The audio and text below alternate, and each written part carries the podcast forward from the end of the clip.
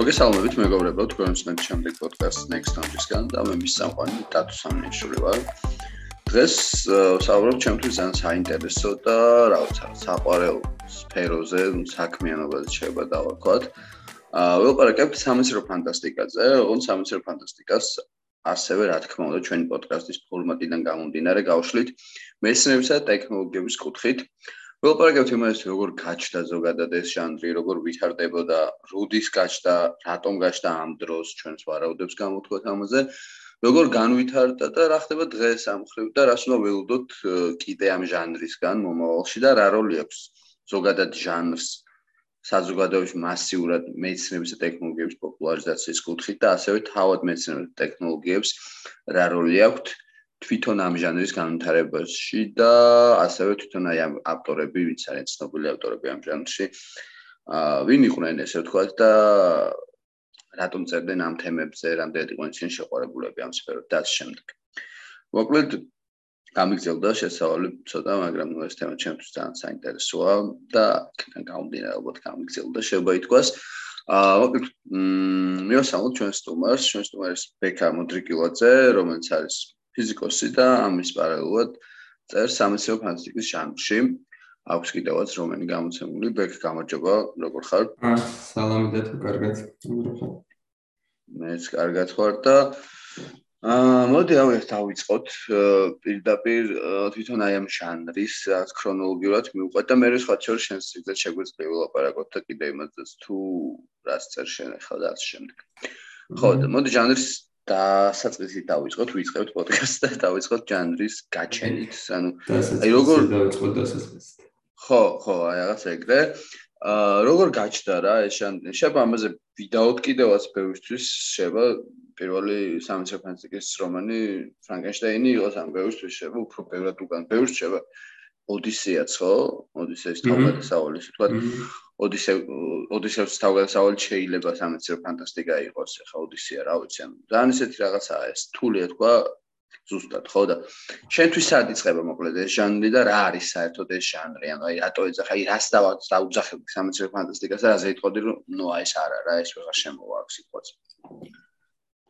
ი დაწყება კარგად ახსენე ზუსტი არ იქნება, იმიტომ რომ დეფინიციის მიხედვით ალბათ სხვადასხვა ნაწარმოებები ან მოხდება ან არა ოფიციალური დეფინიციით მაინც გვაქვს რომ არის ჟანრი რომელიც თვალსწინებს როგორც წესი მომავალში ტექნოლოგიურ განვითარებებს და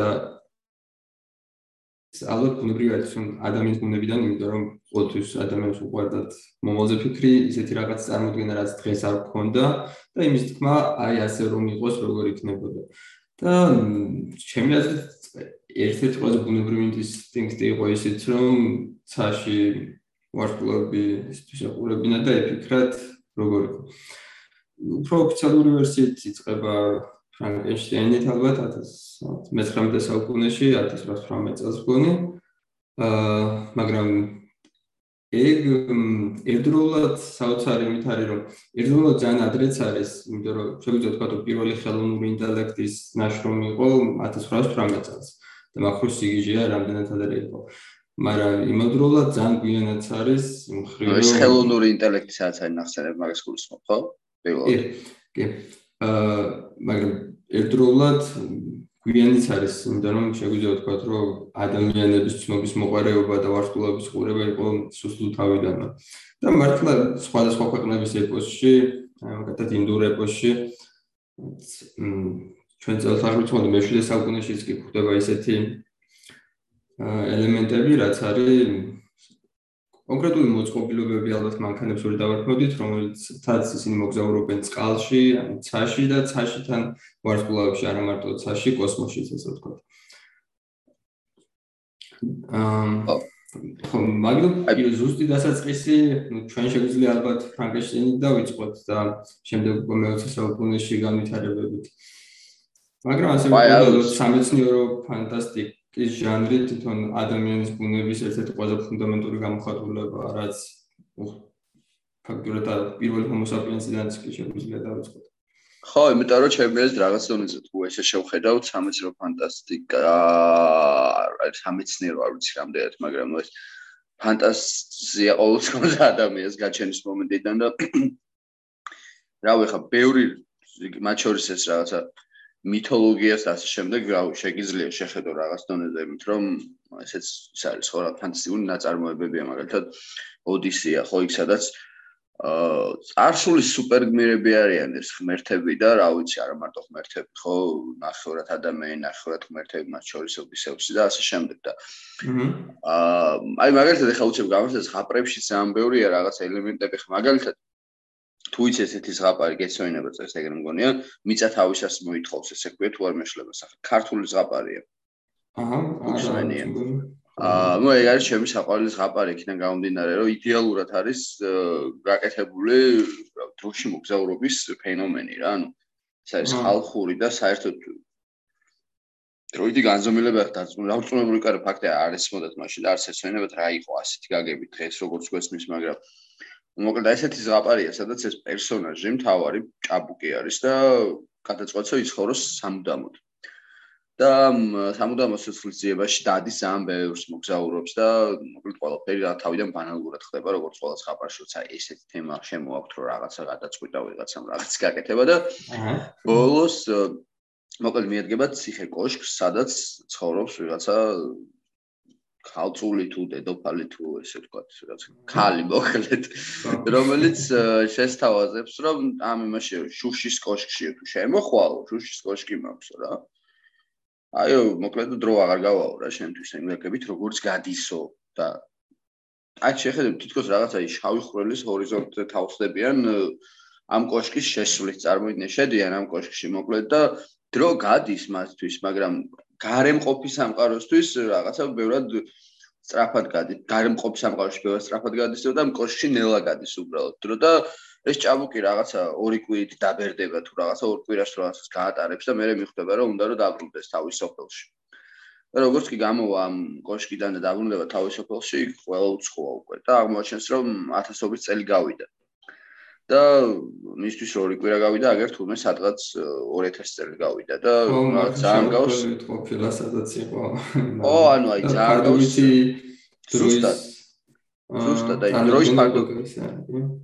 ზუსტად აი დროის ფარდობით თითქოს ვიღაცამ აინშტაინის ნაშრომი წაიკითხაო და ისე დაწერაო რაღაცა ძველს ღაპარში წარმოიდგინე. ეგ ძალიან საინტერესო არის იმ ხრივაც რომ ზოგადად როცა მეცნიერებას და სამეცნიერო ფანტასტიკას ხატავენ აი სამეცნიერო შეება რამდენი დავარქვათ როგორც თქვი. ან მეცნიერო უფრო დიდი გაგებით ზოგადად რომ ცნობის მოყარეობის ფორმალიზება ეგრე ვთქვათ. მაგხრივ ის არის ალბათ ორივე მხრივ ორივე მხარეს არის. როგორც ასე პირველ წარმოიდგენენ ხოლმე რომ უბრალოდ მეცნიერება არის, რაღაცებს ხნის და ამ მეცნიერებიდან იღებენ იდეებს და აკეთებენ სამეცნიერო ფანტასტიკას. და ნუ ერთი მიმართულებით ის არის.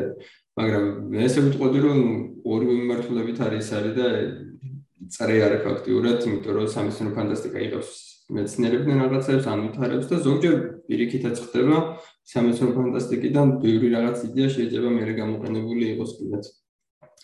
ეხლა უცებ ძალიან მომავალში რო გადავხდეთ და მე დავუნდეთ ერთ-ერთი ბოლო სამეცნიერო ფანტასტიკა ინტერსტელარი რაც იყო, მან მაგალითად თავიდან როცა კით თორნი ეხმარებოდა ფიზიკოსი რომელსაც ნობელის პრემია აქვს აღებული შავხროლებთან და გრავიტაციულ ტალღებზე აა შავხროლი რაც არის ინტერსტელარში სიმულაციით არის ფორმულებით გამოყვანილი და თავიდან გააკეთეს ფილმისთვის, მაგრამ იმის შემდეგ ამაზე იმდენი ისწავლეს, რომ მე სტატიას გამოაქვეყნა ინტერსტელარის შემდეგ. აა კიფსორმა. ხო და აი მაგალითი არის იმის, რომ რეალურად სამ ერთი მიმართულებაც არაა, რომ არის ჟანრი, რომელიც პირდაპირ იღებს მეცნიერებთან რაღაცებს და აკეთებს. რეალურად გაცვლითი პროცესიც არის ხოლმე ძალიან ხშირად. კი ბატონო. სხვათა შორის ეხლა ცოტა ხნის წინ გია დოლთან რომ მქონდა ინტერვიუ. მე ინტერვიუს მე რაღაც რაღაც გავოდით, ჩაუბრუნდით და ძალიან საინტერესო რაღაც მითხრა სკიპტორზე გამახსენდა და ინტერსტელარზე, რომ თურმე თავიდან ყოფილა რაღაც 5-6 მეცნიერი მიუწევიათ, ვინც ამ სფეროში იყო მეტნაკლებად ჩართული და ვისგანაც შეიძლება ინფორმაცია მიიღო და ერთ-ერთი ყოფილა თვითონ გია დვალი.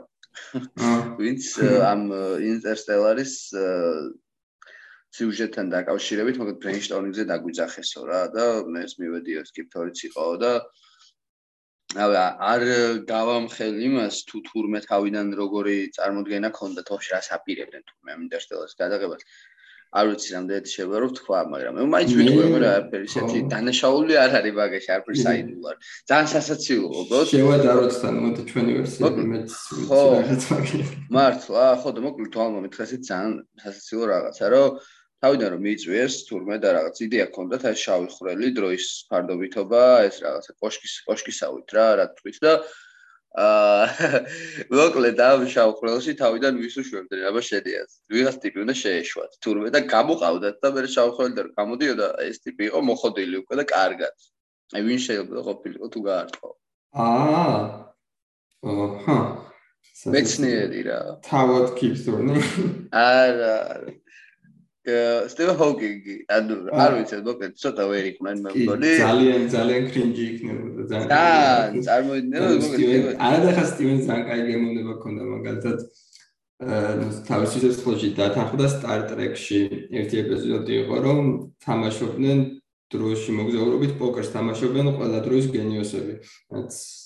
არქიმედე, ან მომოლის გენიოსები აინშტაინი და სტივენ ჰოკინგიც. და სტივენ ჰოკინგის როლი თავად სტივენ ჰოკინგმა ითამაშა მაგ სერიალში. ვა.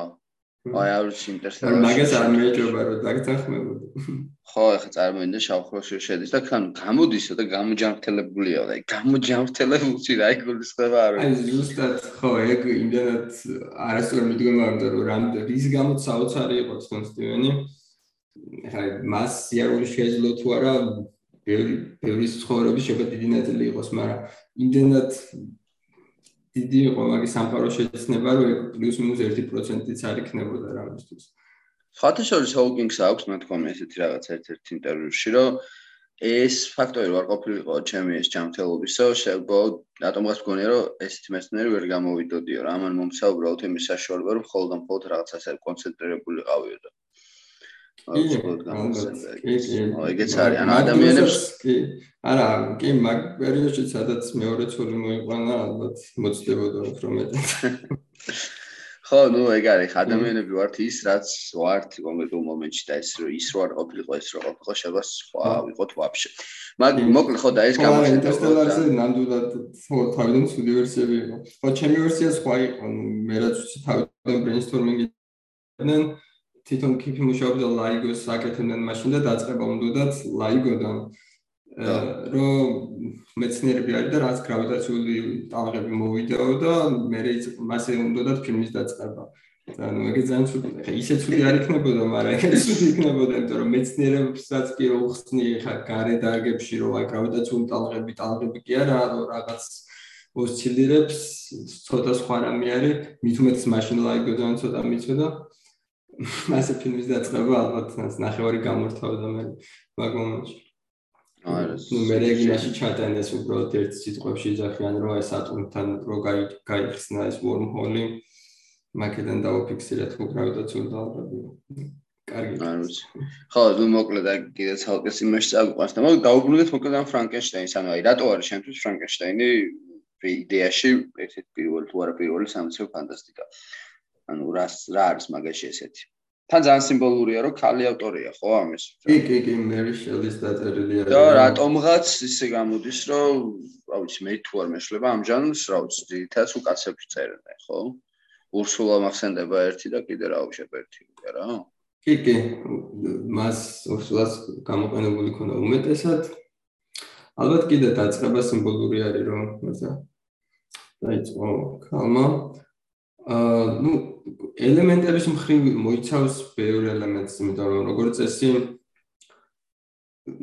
აი ეპოსში და მითოლოგიაში ეგეთი რაღაცები ხდებოდა, რა თქმა უნდა, მკვდრების გაცოცხლება ან რელიგიებშიც ეგეთი ელემენტები იყო ბევრი, მაგრამ ყოველთვის აპარატი იყო ან ჯადოქრობა, ან სულის ჩათქმა, ან ლოცვა და მსგავსი რაღაცები. და მაგ ხრივ დოქტორ ფრანკენშტაინში პირველი ერთ-ერთი იყო ეგ, რომ გამოყენებული ფანტასტიკა მიღებული იყო არა რაღაც სურეალისტური იდეებით, არამედ მეცნიერებით, რომ მეცნიერი ცდილობდა რაღაცების გაკეთებას და ну აპარატი იყო მეცნიერება და მაგან დაანახა ალბათ დიდათაც საზოგადოებას მე რომ აუცილებელი არა საოცარი რაღაცები რომ მიიღო უბრალოდ რომ იმარჩიელოვანი ოცნებო შეიძლება მეცნიერებით გააკეთო და დღეს თუ არა ხვალედაზე გავაკეთეთ. იმიტომ რომ მანამდე რა ციგნებიც იყო დაწერილი, რომ ვიღაცამ დრაკონი გამოიძახა, რაღაც გააკეთა. მაგაზე ხალხი არ დაიწყებდა იმის ფიქრს, აი დღეს არა, მაგრამ ხვალ ნეტად დრაკონს როდოს გამოიძახებთ. და სამეცნიერო ფანტასტიკაში რეიბიც ხდება უკვე ხელოვნური ინტელექტი, სხვა რაღაცები, როცა ხედავენ ადამიანები, რომ მეცნიერება იყო გამოყენებული და მეცნიერებას ხედავთ რომ დღეს გვაქვს და მართლა რაღაც აუცილებლად ვიკეთებს. უკვე ფიქრს იწყებენ რომ ეს უბრალოდ ფანტასტიკა არ არის, ეშება მხვანდელი დღე იყოს და მოდი აბა იქამდე მივიდეთ. მაგიტოც როგორც თქვი რომ ორ მხრივი გზა არის თქო მეცნიერებისთვის ხშირად სამეცნიერო ფანტასტიკა არის ხოლმე პირიქით აქეთ ინსპირაცია. მაგ ხო, ნუ რომ შევაჯამო ისე გამოყოფდი რომ ძირითადი განსხვავება იყო ის, რომ ფანტასტიკის ელემენტები ცხადია სხვაგანაც იყო, მაგრამ ინსტრუმენტი რითიც მივიღეთ ეს ფანტასტიკა იყო მეცნიერება, რაც რამაც განხადეს უფრო მიღწევად, ასე ვთქვათ. კი. აა და ანუ აი შემდეგ რაღაც მაინც ანუ მე-19 საუკუნის ბოლოდან შეგვიძლია ვთქვათ, რომ რეალურად იბადება სამეცნიერო ფანტასტიკა.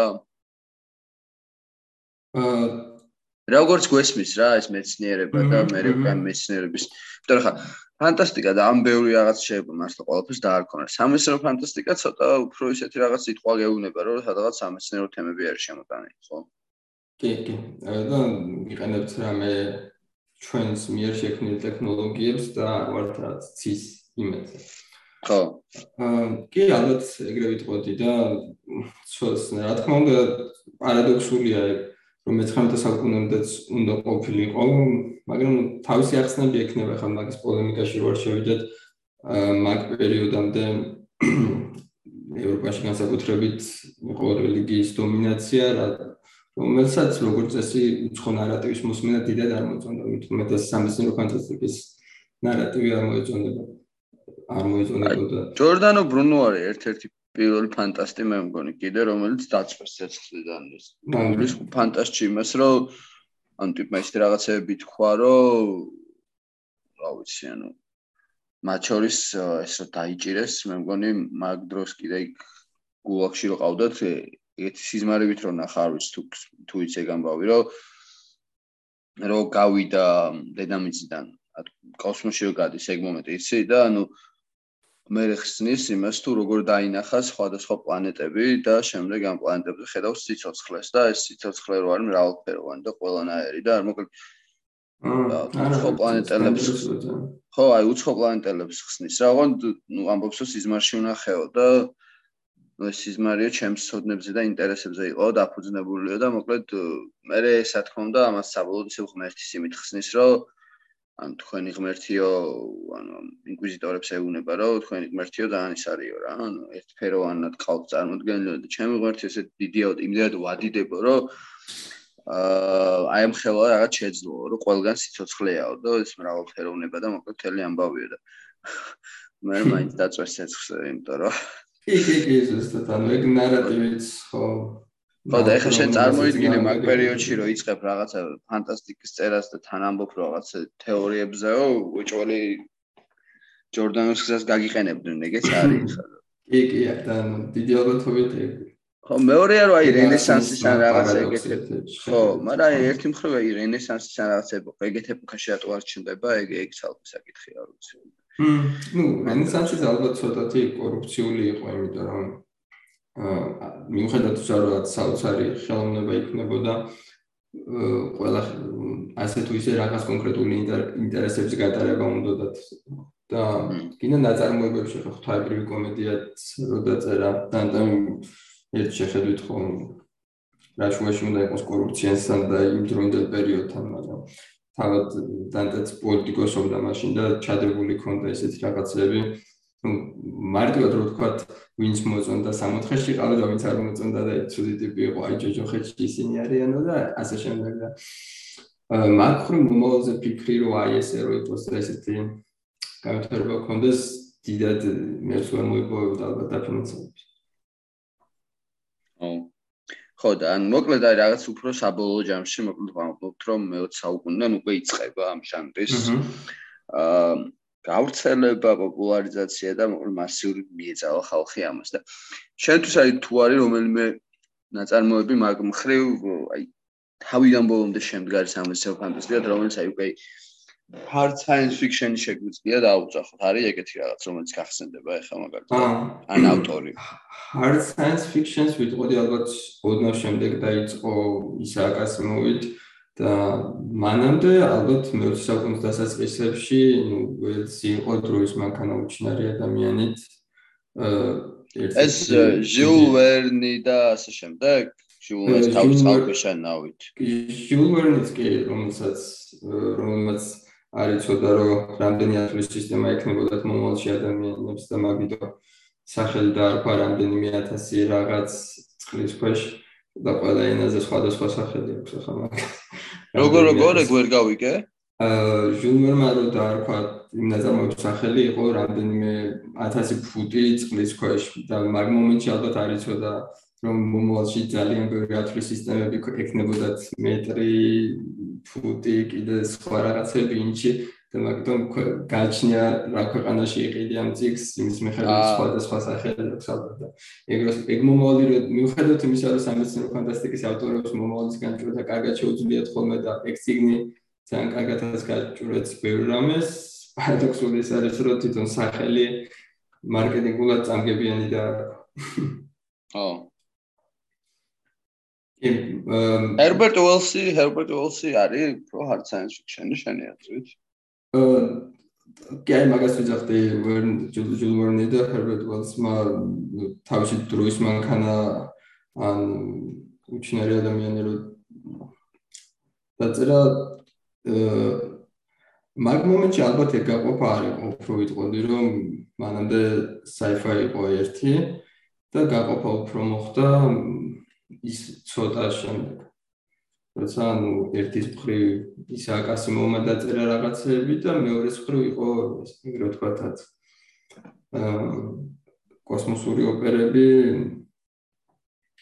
და pop sci-fi ესე ვთქვა. საინტერესო კიდე ის არის რომ თვითონ ჰერბერტ უელსთან ხო მე როგორც ვიცი კერდა ეგრეა რეალურად მარტო მე როგორ ვიცი აშვაშია ეგრეა რომ ანუ ამარო დაწერა ეს თავის დროში დროში მოგზაურობის თემები რომ შემოიტანა დროის მანქანა და რაღაც ანუ იდეაში აინშტაინსაც არ აქვს ჯერ დაწერილი ხო ეს ფარდობითობის თეორია და ეგეთი ფენომენი არ გვესმის და მე როგორც ხვდები ახლა ძირითადად აინშტაინის ფარდობითობის თეორიამ გაუხსნა ფართოველი ასპარეზი ესე თქვა sci-fi ავტორებს ხო ამ დროში მოგზაურობის თემების წერას არ ვიცი თუ სწორად კი კი კი კი ნამდვილად არა ხო.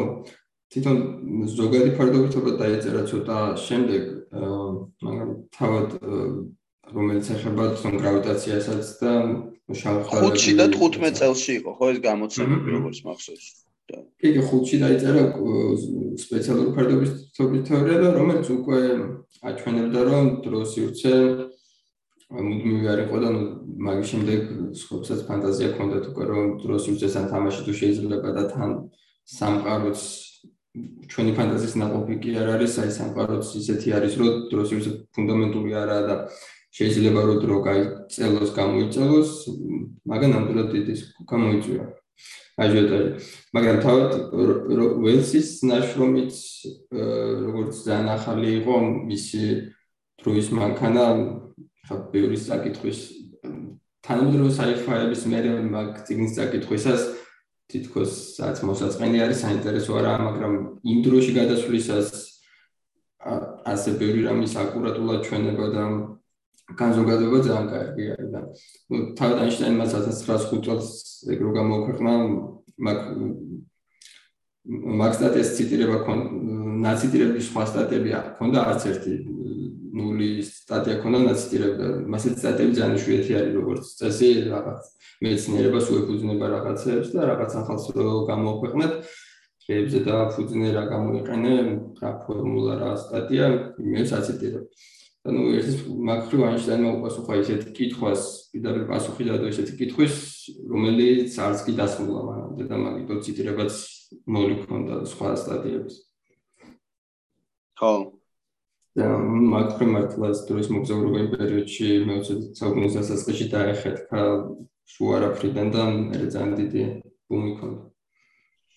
აა რაც ახლა რაღაც ხრივა იგივე ხდება კვანტურ მექანიკაზე, ხო რეალურად, ანუ ანუ ეს კვანტური მექანიკა აიტაცეს და როგორც უნდა და ვისაც უნდა და რას უნდა იმას ატრიალებს, აი მიმებიც არის დაჟე ეგეთი რომ sci-fi ავტორი რო რაღაცაში იჭედება და ვერ ხსნი რაღაცას და ეს ღილაკი არის ხო?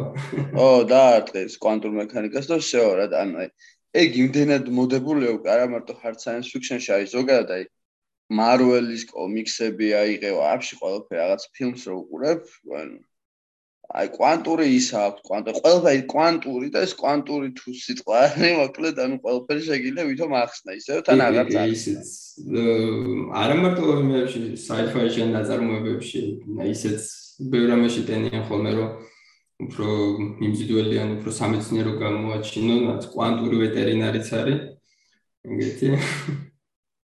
ეგ რაღაც აა quantum web ქვია უბრალოდ ჩვეულებრივი აპლიკაციაა და სასაცილო ისიც აქვს რეკლამა don't take your pet to quantum wait take it to quantum wait რომ კვანტურ ვეტერინართან წაიყვანო უფრო კაი იქნება ეგ აიდეალური მაგალითი რომ სულ არაფერი შუაში ხო არის მან კვანტურობა და ჩამატებული აქვს აა მოკლედ ანუ ძალიან ისა აქვს ეს ხო ეს კვანტური ამბავი? კი აი განსხვავება დიდი არის ოღონდ იმიტომ რომ ფარდობითობის თეორიისას მართლაც უნდათ გაიგოთ ეგ იდეები და ანუ უბრალოდ ბაზურდად ცხელ სიტყვად არიყენებდნენ რომ სადმე უბრალოდ ჩაიყვეხებინათ და მაგით გაებერათ რაღაცები. და სამეცნიერო ფანტასტიკები მაგიტო აი ზოგადად მეცნიერების და სამყარო საქმისთვის ორი ყველაზე დიდი ფუნდამენტური თეორია რაც გვაქვს, რაც პრინციპში მთლიანად სამყაროს ხსნის ფარდობითობის თეორია და კვანტური მექანიკა რო არის, ესე ვიტყოდი, რომ ფარდობითობის თეორიაზე ძალიან ბევრი და კარგი სამეცნიერო ფანტასტიკა არის შექმნილი და კვანტურ მექანიკას როგორც წესი არიდებენ ხოლმე თავს, ან მის ინტერპრეტაცია ხდება და უბრალოდ სიტყვის ჩამატება.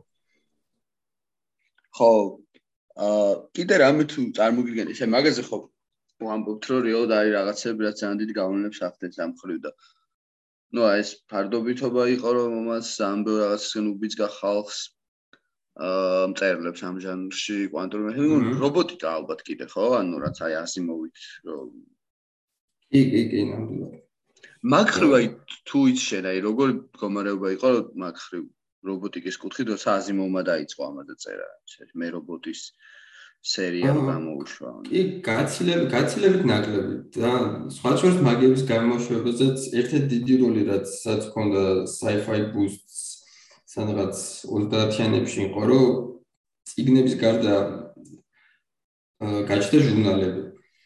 აა სადაც შეიძლება დაებეჭდათ მინი ისტორიები სხვადასხვა ავტორებს გაიგზავნოთ.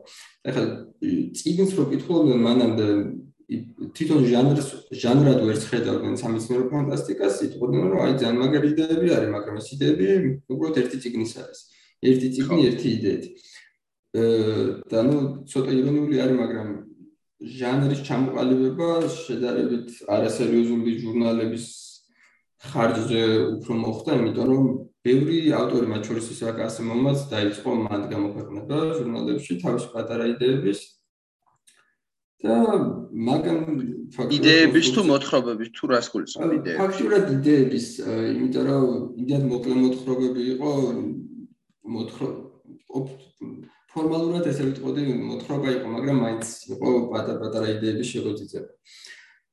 და მაგ მომენტში რობოტიკაში კი ბევრი არ ბევრი არ იყო გაკეთებული და ახლა ასმოს რაც აქვს გაკეთებული დღევანდელი ხელოვნური ინტელექტისთვისაც ალბათ ასმოს რობოტის წესები გეცოდინება ალბათ და ან აი ეგრო გავარჩიოთ ძალიან ჭკვიანური არის. დღევანდელი პროტოკოლებისთვისაც ერთ-ერთი ყველაზე ლოგიკური იქნება და როცა ასმო უბრალოდ მაგას გულისხმობდა მხოლოდ თავისი ანუ ეს წესები არსებობდა მხოლოდ მის სამყაროში, მის ციგნებში, მაგრამ რო დავფიქრდეთ თან წლების წინ. რო დავფიქრდეთ დღესაც კი ჩვენს რეალურ სამყაროში ერთ-ერთი ფუნდამენტური და სწორი იქნება ეგ წესები, რომ რაც სამი წესი არის პირველი, რომ რობოტმა არ უნდა უნოს ადამიანს, მე მეორე წესი, რომ რობოტმა უნდა დაუჯეროს ადამიანს, ოღონდ თუ და მეორე წესი უნდა შეცვლილდეს თუ პირველს არ ეწინააღმდეგება და მესამე წესი, რობოტ შეუძლია თავის დაცვა, თუ მეორეს არ ეწინააღმდეგება. და ნუ ეგეთი გადამულობა რომ მესამე მეორეს მოიცავს და მეორე პირველს ლაკონურად ძალიან ძალიან ბევრ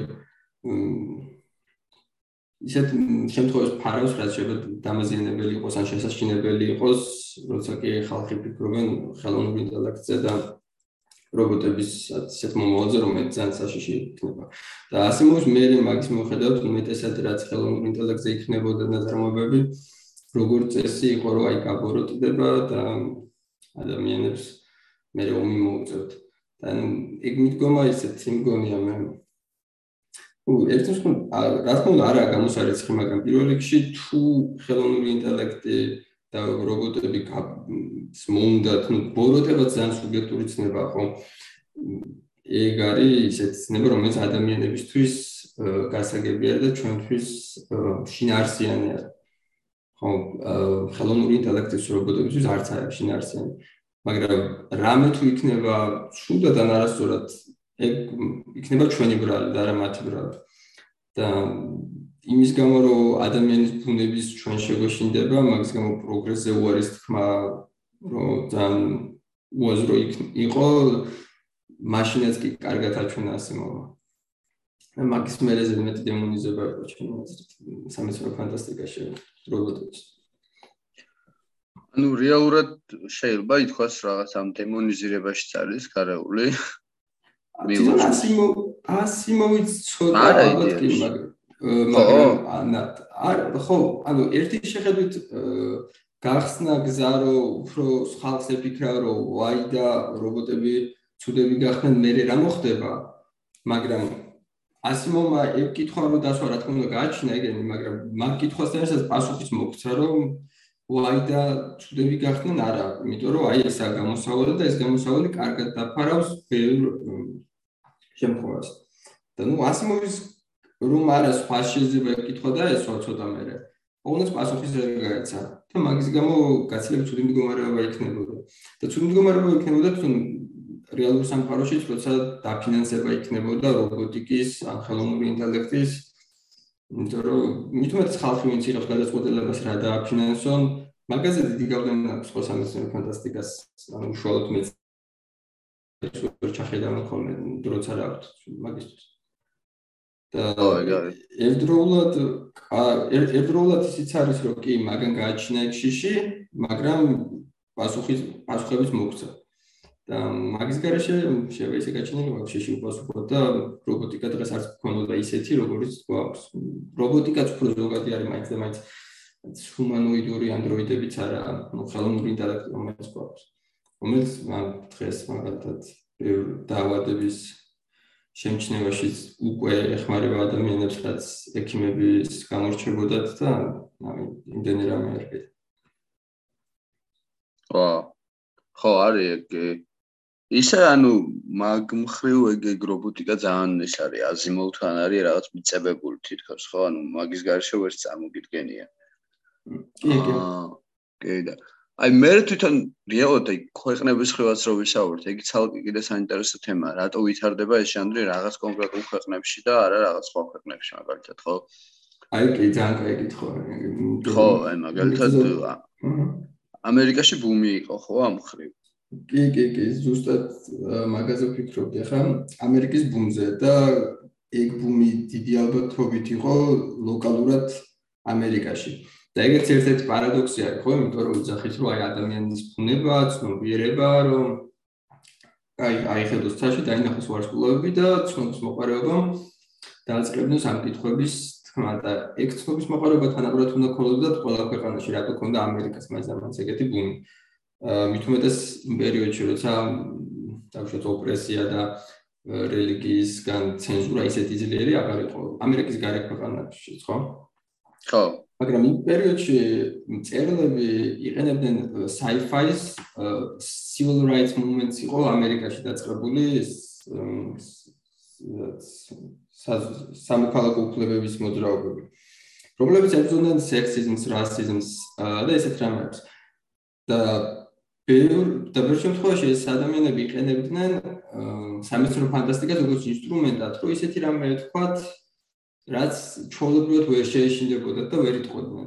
იმიტომ რომ ჩვენ უკვე როცა ვცხოვრობთ ისეთ establishment-ში, რომ რა მიღებული არის, რომ თქო რასიზმი იყოს, ან სექსიზმი იყოს, ანუ რაღაც კონკრეტული კულტურა, რაც თავიდან თავამდე არის, ადამიანებს რო შეუცვალ მაგაზე ხედვა, გაცილებით რთული არის. რომ აჩვენო რომ აი ჯონი წავიდა სამსახურში და გადაწყვიტა რომ უფრო მეტი ქალი დაექირავებინა, მეტყვი კაციან შავკანიანი დაექირავებინა.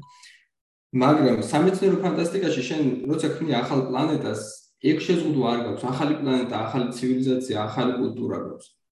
და მაგიტო შენ გაქვს ფაქტიურად ისეთი სათამაშო მოედანი, სადაც ნულიდან აგებ ყველაფერს.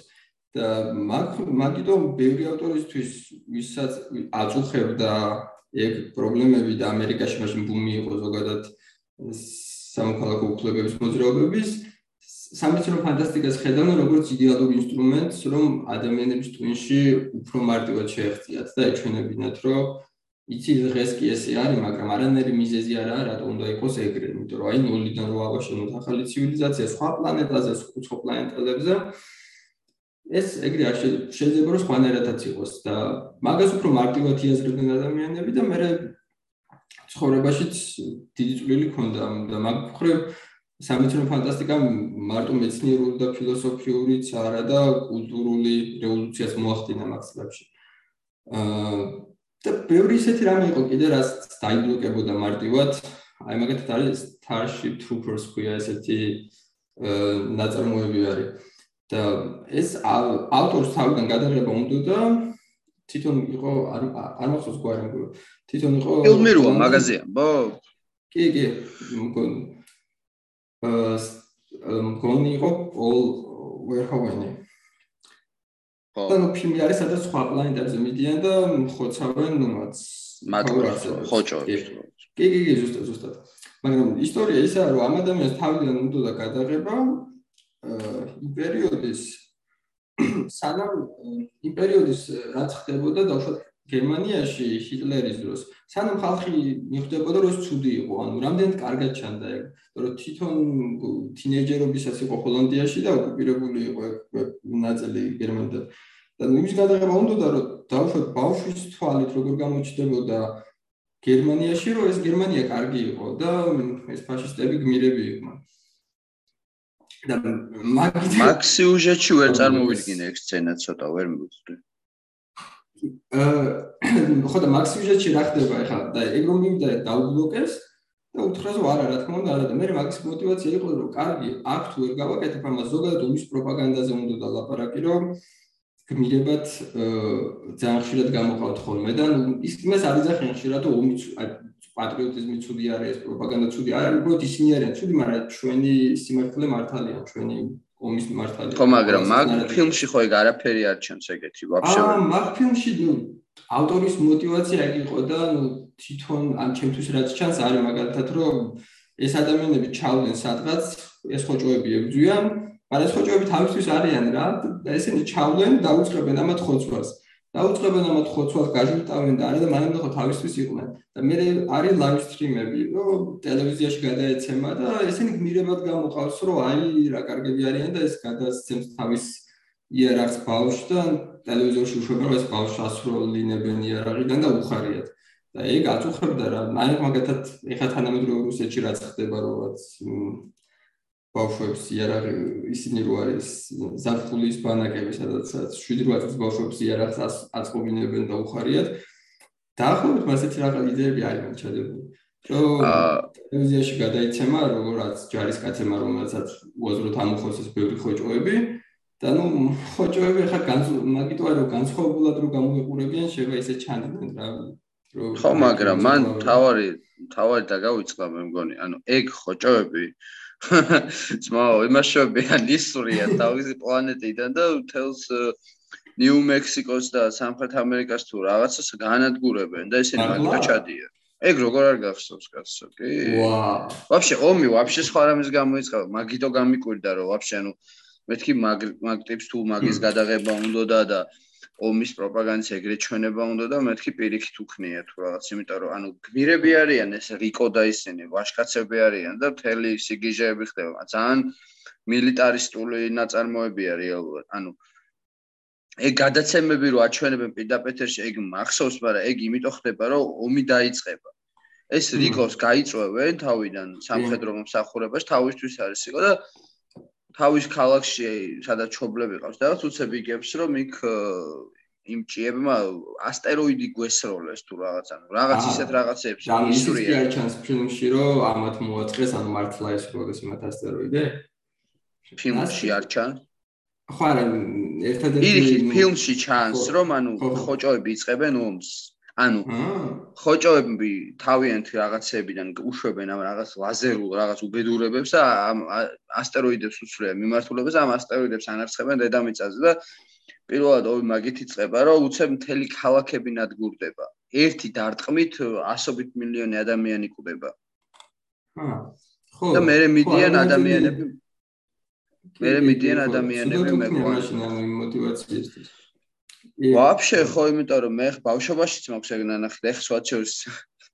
ცოტა სულ რამდენიმე თვის წინას ვნახე იმიტომ ეს ხო არა უკვე გეხსოვნება მაშინ. ეგ ნუ მე მონაკვეთი მახსოვს აი ტელევიზიის და ნუ თვითონ ავტორის ინტერვიუ და ინტერვიუში პირიქით იძახის ანუ ისტორია ესე მოყვა რომ თავიდან მინდოდა გადამეყო sci-fi საერთოდ არ მინდოდა გადამეყო და მინდოდა გადამეყო როგორ გმირებად ჩანდნენ არაგმირი ჯარისკაცებიო რომლებიც აა თავშოთ გერმანიაში იყვნენ მაგრამ ზედმეტად გმირებად გამოუჩენია მაინც ამ ფილმში და თქო უნდა რიკოზე მთელი ბავშვობა გიждდებოდი და მაგის მეგობრებზე და ანუ დღესაც კი რო უყურე ეს რიკო ძალიან გმირია და ისეთ რაღაცებს ფეხებს აჭრიან ხელებს აჭრიან და მაინც იბრძვის ადამიანებს გადასარჩენად და ანუ და ეს მატლები აი იძებნი მაშინ აი იმის ინტერვიუს მაგრამ ხო და საინტერესოა იმიტომ რომ შევა პიროვნების გაორება ქონდა მაგას მაგ დროს იმიტომ რომ ვაფშე სხვა რაღაც გააკეთა.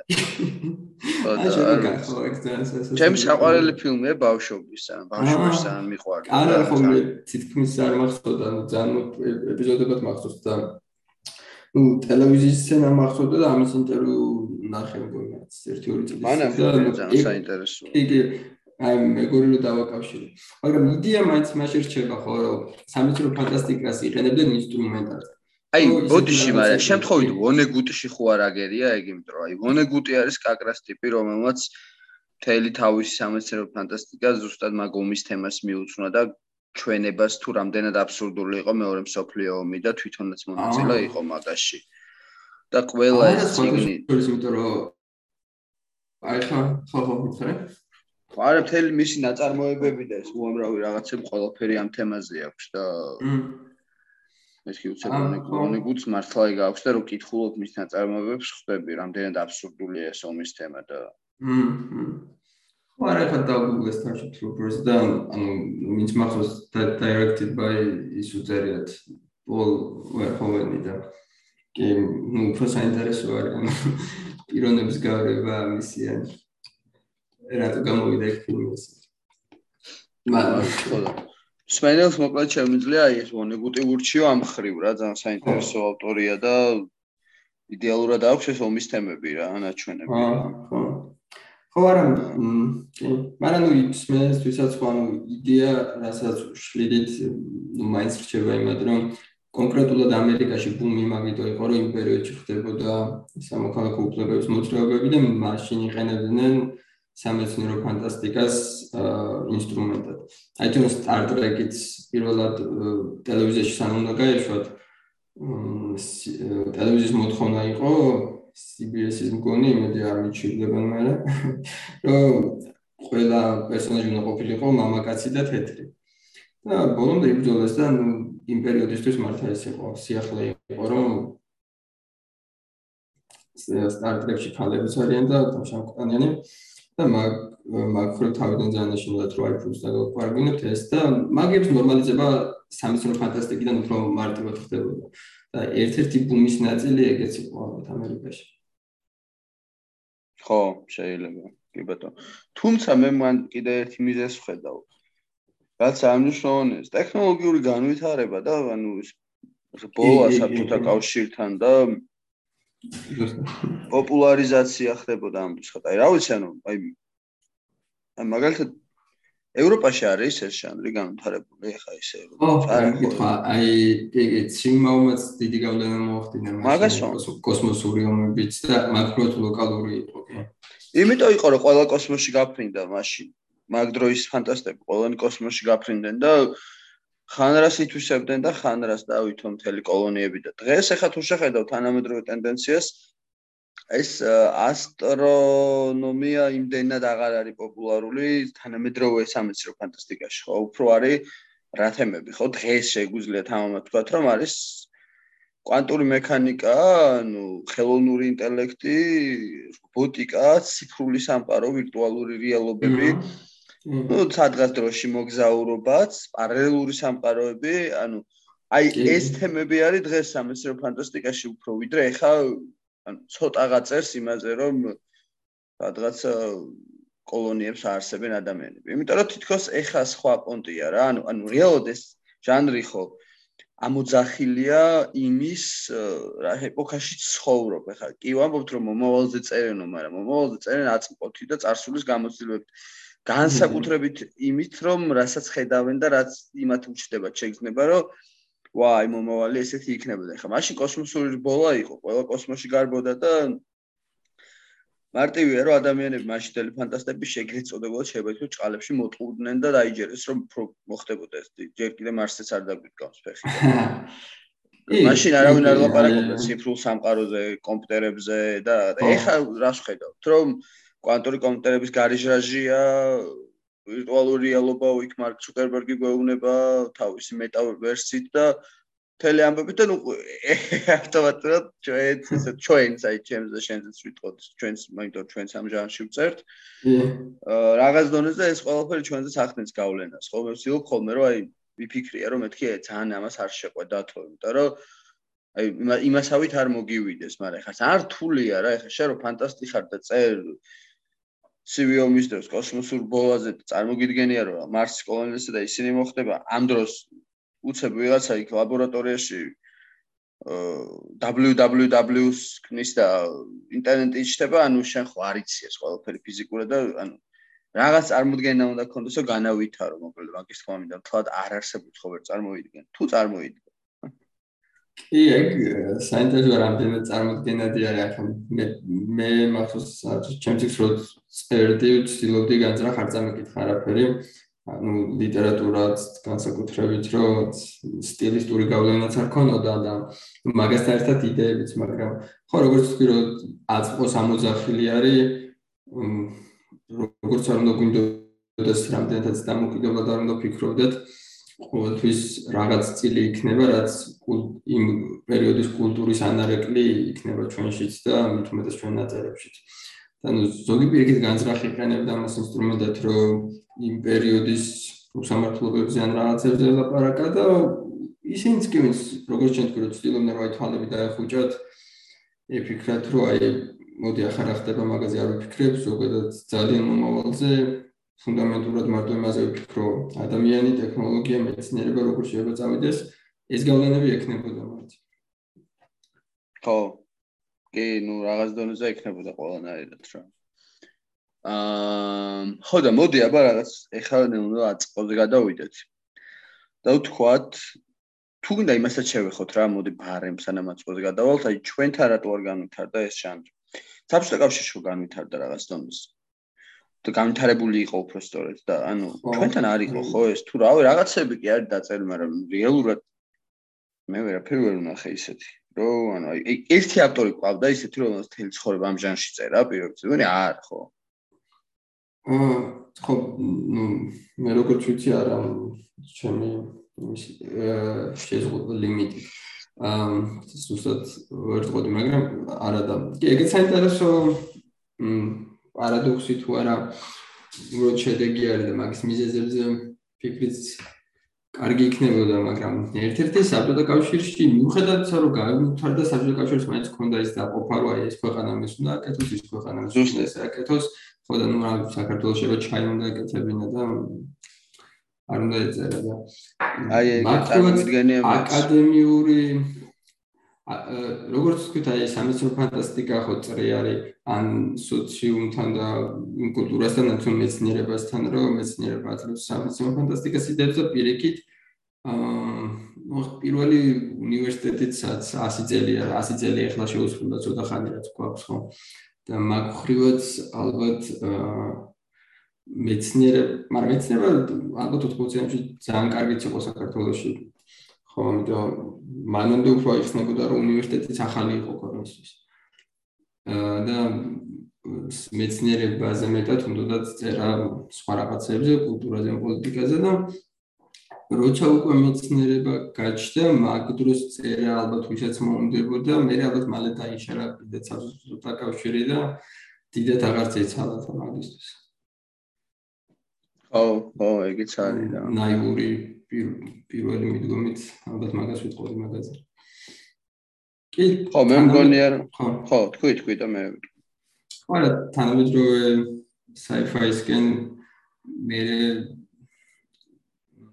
კარგად შემჩნია რომ ხელოვნური ინტელექტიც გაჩნდა ზუსტად მაშინ როცა მართა კომპიუტერები განვითარდა. ხო, ანუ დიო. ხო, ნუ soft და hard sci-fi-ზეც როგორც ამბობდი, ალბათ აც ჰერბერტმა როცა დაწერა დუნი, ეგ იყო პირველი უფრო შედარებით რბილი soft შედარებით ადვილი sci-fi და მაგან გამო დაიწყო გაყოფა როცა ერთ მხრივ Star Wars-ი შეიქმნა, რომელიც უფრო ბევრისთვის იყო მიჭდომადი და ერთობოდნენ Back to the Future-ი და მეორე მხრივ ნუ ისეთი ფილმები იყო როგორც კოსმოსური ოდისეა უშუალოდ 2000-ად. კოსმოსური, ხო. Space Odyssey, ხო. აა ხო და მაგრამ გაყოფა ალბათ უკვე მერე დაიწყო. და თანამედროვე შოუებმაც აი კვანტური ფიზიკა რო თქვი ალბათ ერთ-ერთი დიდი გავლენა ქონდა რიკენ მორტის ანუ აა რაც რაც ანუ ახალი იყოს მანამდე აკურატული კვანტური მექანიკის გამოყენება ფილმებში არ მახსენდება და ეგეც თითქოს პარადოქსულია იმიტომ რომ ანუ როგორც ვთქვით ანუ სამყაროს ორი გამაგიჟებელი თვისება აქვს რომ დროს ირჩევ არა მუდმივი და მაგათში მოგზაურობა შეგიძლია შეგიძლია გაწოლო გამოწოლო და მეორე ის რომ სამყარო კვანტურია რეალობა რეალურად და კვანტური მექანიკის sci-fi-ში გამოყენება ხდებოდა მაინც ნაკლებად. მიუხედავად იმისა რომ იდეები კიდევ უფრო სიგიჟები უნდა ყოფილიყო რომ პარალელური სამყაროები ერთი რაღაც ერთდროულად ბევრი ბევრი ერთი რაღაც ერთდროულად ბევრი რაღაც შეიძლება იყოს აა მაგრამ ალბათ მაგის წარმოქმნა უფრო და მაგის ჩადება ნაწარმოებებში რთული იყო. ხო. ხო, აი მაგაზე შენ რას ფიქრობ, საინტერესო ისა ყოველ მაინტერესებდა და ახსნა რას უცარ ქონია მაგის. ანუ რაზე ზუსტად რომ მითხრა უფრო ან კონკრეტულად რომ ფარდობითობის თეორია იყო ძალიან მარტივ ძალიან მალე ატაცებული და ძალიან ბევრი რამე გაკეთდა დროში მოგზაურობაზე და აი კვანტურ მექანიკაზე იმდენი არ გაკეთებულა. sci-fi-ში კვანტური მექანიკა იმდენად არაა გამოყენებული. არ არის sci-fi-ში კვანტური მექანიკა იმდენად გამოყენებული. თითქმის არა, რიკენ მორტიმდე არც კი მახსენდება. თუ იქნებოდა ამ ისე პოპულარული არა როგორც დროში მოგზაურობები, შავი ხრელები, ინტერსტელარი. ან თუნდაც AI კვანტური მექანიკის ის რო აი ორი რამ ერთდროულად როგორ ეცოდინება ამ დროს სიგიჟები ხო არის ხო ანუ აა მივხვდი სადაც ხო ხო. მივხვდი რა სწავ ანუ ერთია რომ კვანტურ მექანიკას კი სულ ახსენებენ და მეორეა რომ თვითონ აი მისი ფუნდამენტი ან ეგეთი რაღაცები უშუალოდ არ არის სიუჟეტებში შემოტანილი ხო მაგას ამბობ? კი კი კი ანუ მთელი კვანტური მექანიკა ხა კლასიკური ფიზიკის რითი განსხვავდება რომ კლასიკურ ფიზიკაში ყველაფერი იყო დეტერმინისტული და ნუ ფილოსოფიური რევოლუცია კვანტური მექანიკის ეგეც იყო რომ ყველაფერი დეტერმინისტული ვეღარ იქნება განუზრუნველობის პრინციპი გვაქვს ვერ გეცოდნება ზუსტად ერთი ორი რამე და მაგის გამო ფაქტურად თავისუფალების შანსი რო ქონოდათ ადამიანებს კვანტურ მექანიკას გააჩინა, იმიტომ რომ კლასიკურ ფიზიკაში თავისუფალი მექანიკებისთვის სივრცე არ ქონდა. ხო და ნუ კვანტური ხა ფილმებში თუ იტყვიან აი კვანტური ლაზერი ვესროლე და ასე შემდეგ, მაგის გარდა თვითონ ფუნდამენტურად კვანტური მექანიკა ის განსხვავდებოდა კლასიკური ფიზიკისგან მაგის გამოყენება არ ყოფილა არსებობ. ნუ ერთი ძალიან საინტერესო ძალიან საინტერესო სერიალია, მაგრამ Devs თუ იცი Devs. არა. მოკლე სერიალია ერთ სეზონიანი და ზუსტად ეგ არის მან კვანტური კომპიუტერები აქვს შექმნილი. და მან დააქვს ეს მომენტი, რომ იმდენად ძლავრია ეს კვანტური კომპიუტერი. ზუსტად თulis, ანუ განუზღრელობის ფენომენი მან და აქ არის უფრო ის გამომთვლელობის ფენომენი რა, ან კვანტური კომპიუტერი გამახსოვოთ და შეუძლიათ გამოთვალონ მ როგორ თქვა, ძალიან ბევრი დატა და თუ ჩაუშვებ ამ კომპიუტერში, ხედავენ წარსულს. და ანუ ერთი ერთზე ეს კომპიუტერი ახდენს სიმულირებას და შენ შეგიძლია მონიტორზე წავით რაღაცაში ნახო მაგალითად როგორ გააკრეს ესო ჯვარზე რა. ოღონდ იცი რომ ზუსტი ფაქტია ეს და არა ვიღაც მოყოლელი ამბავი რა. კი კი. და და ამისთან ერთად ნუ იდეა ისაა რომ საბოლოოდ უნდათ რომ მომავალი განჭვიტონ რა. აჰა. ამ იმით რა ქვია, ამ ცდელობებით და მთელი მთელი სერიალი მაგაზია მოკლედ და მაგაზე გამახსენდა უბრალოდ ამიტომ რა ვიცი, ყველას ურჩევ მათ შორის შენს ეს დეუსი არის ახალი სერიალი მოდი. 2-3 წლის წინ დაიდო და დღემდე ჩემი ერთ-ერთი საყვარელი სერიალია რაც მინახავს და არის გაკრეს მაგიმას. კიდე არის ერთი ძალიან საინტერესო წიგნი, Blake Crouch თუ გაგიგია. არა. Blake Crouch აქვს წიგნი Dark Matter. ქართულადაც არის თარგმნილი.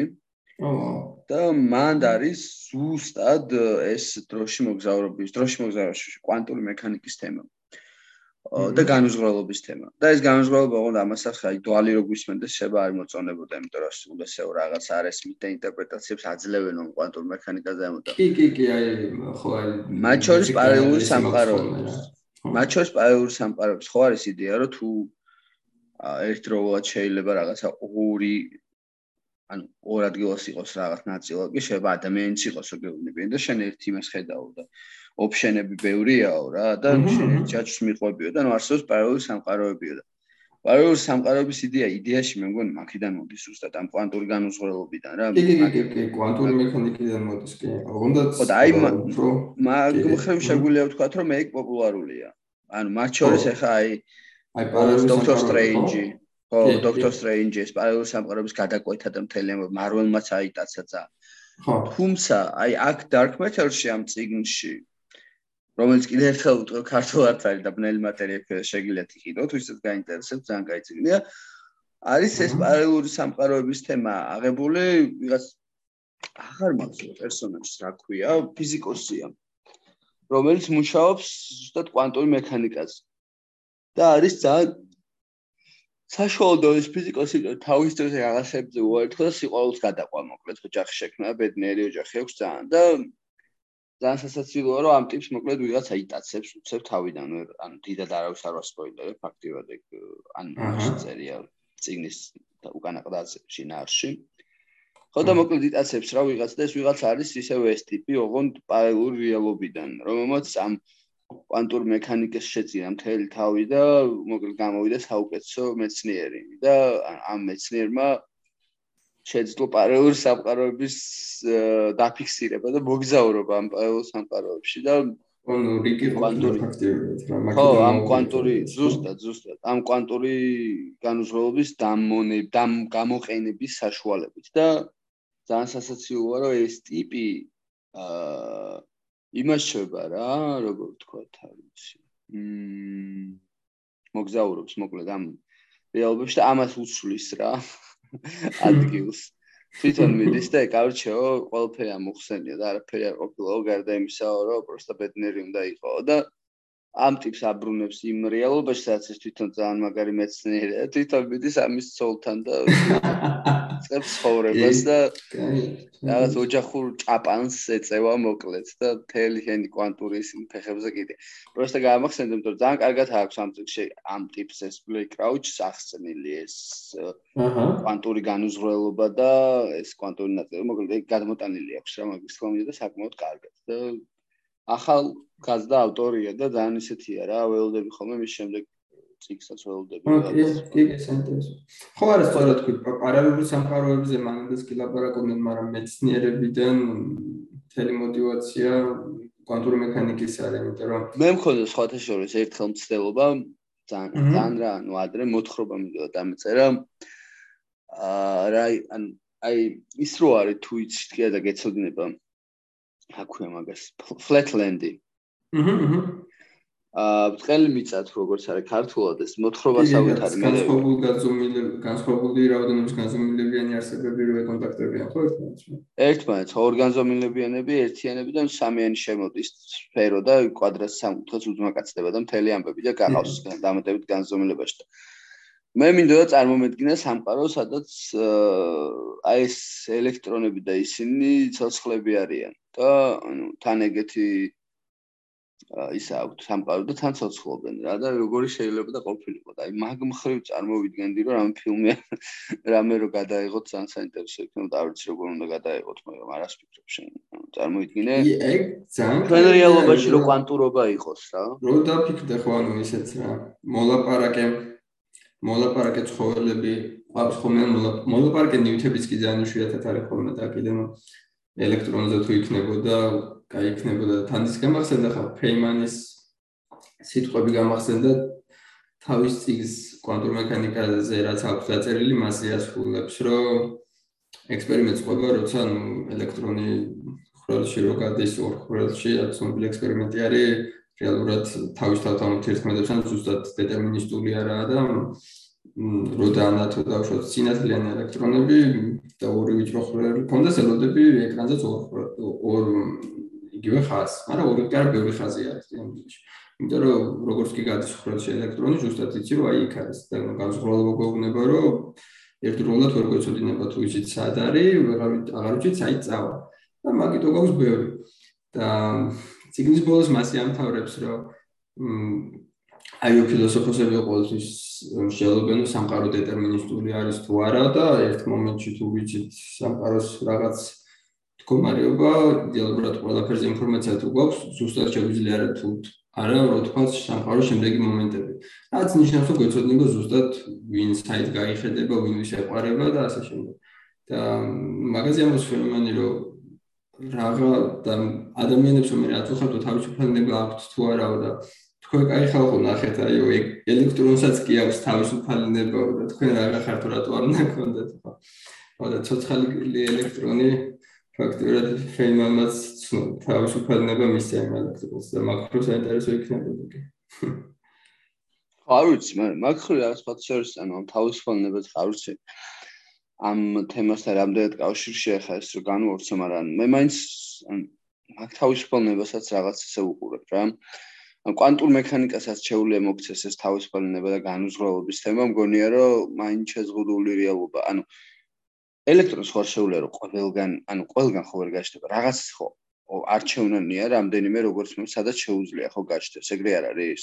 ცოტა იმაქდა. ნუ ერთი ელექტრონი რო ავიღოთ და ვთქვათ სად არის, სწორი პასუხი იქნება მთელ სამყაროში ერთდროულად. მთელ სამყაროში? კი, ანუ ელექტრონის ზომა ვიღაცამ რო იკითხოს, შეიძლება არ უნდა სიგრე იყოს, პასუხი სწორი პასუხი არის მთელი სამყარო. მთელ სამყაროში არის ელექტრონი და ეგ არის ელექტრონის ზომა.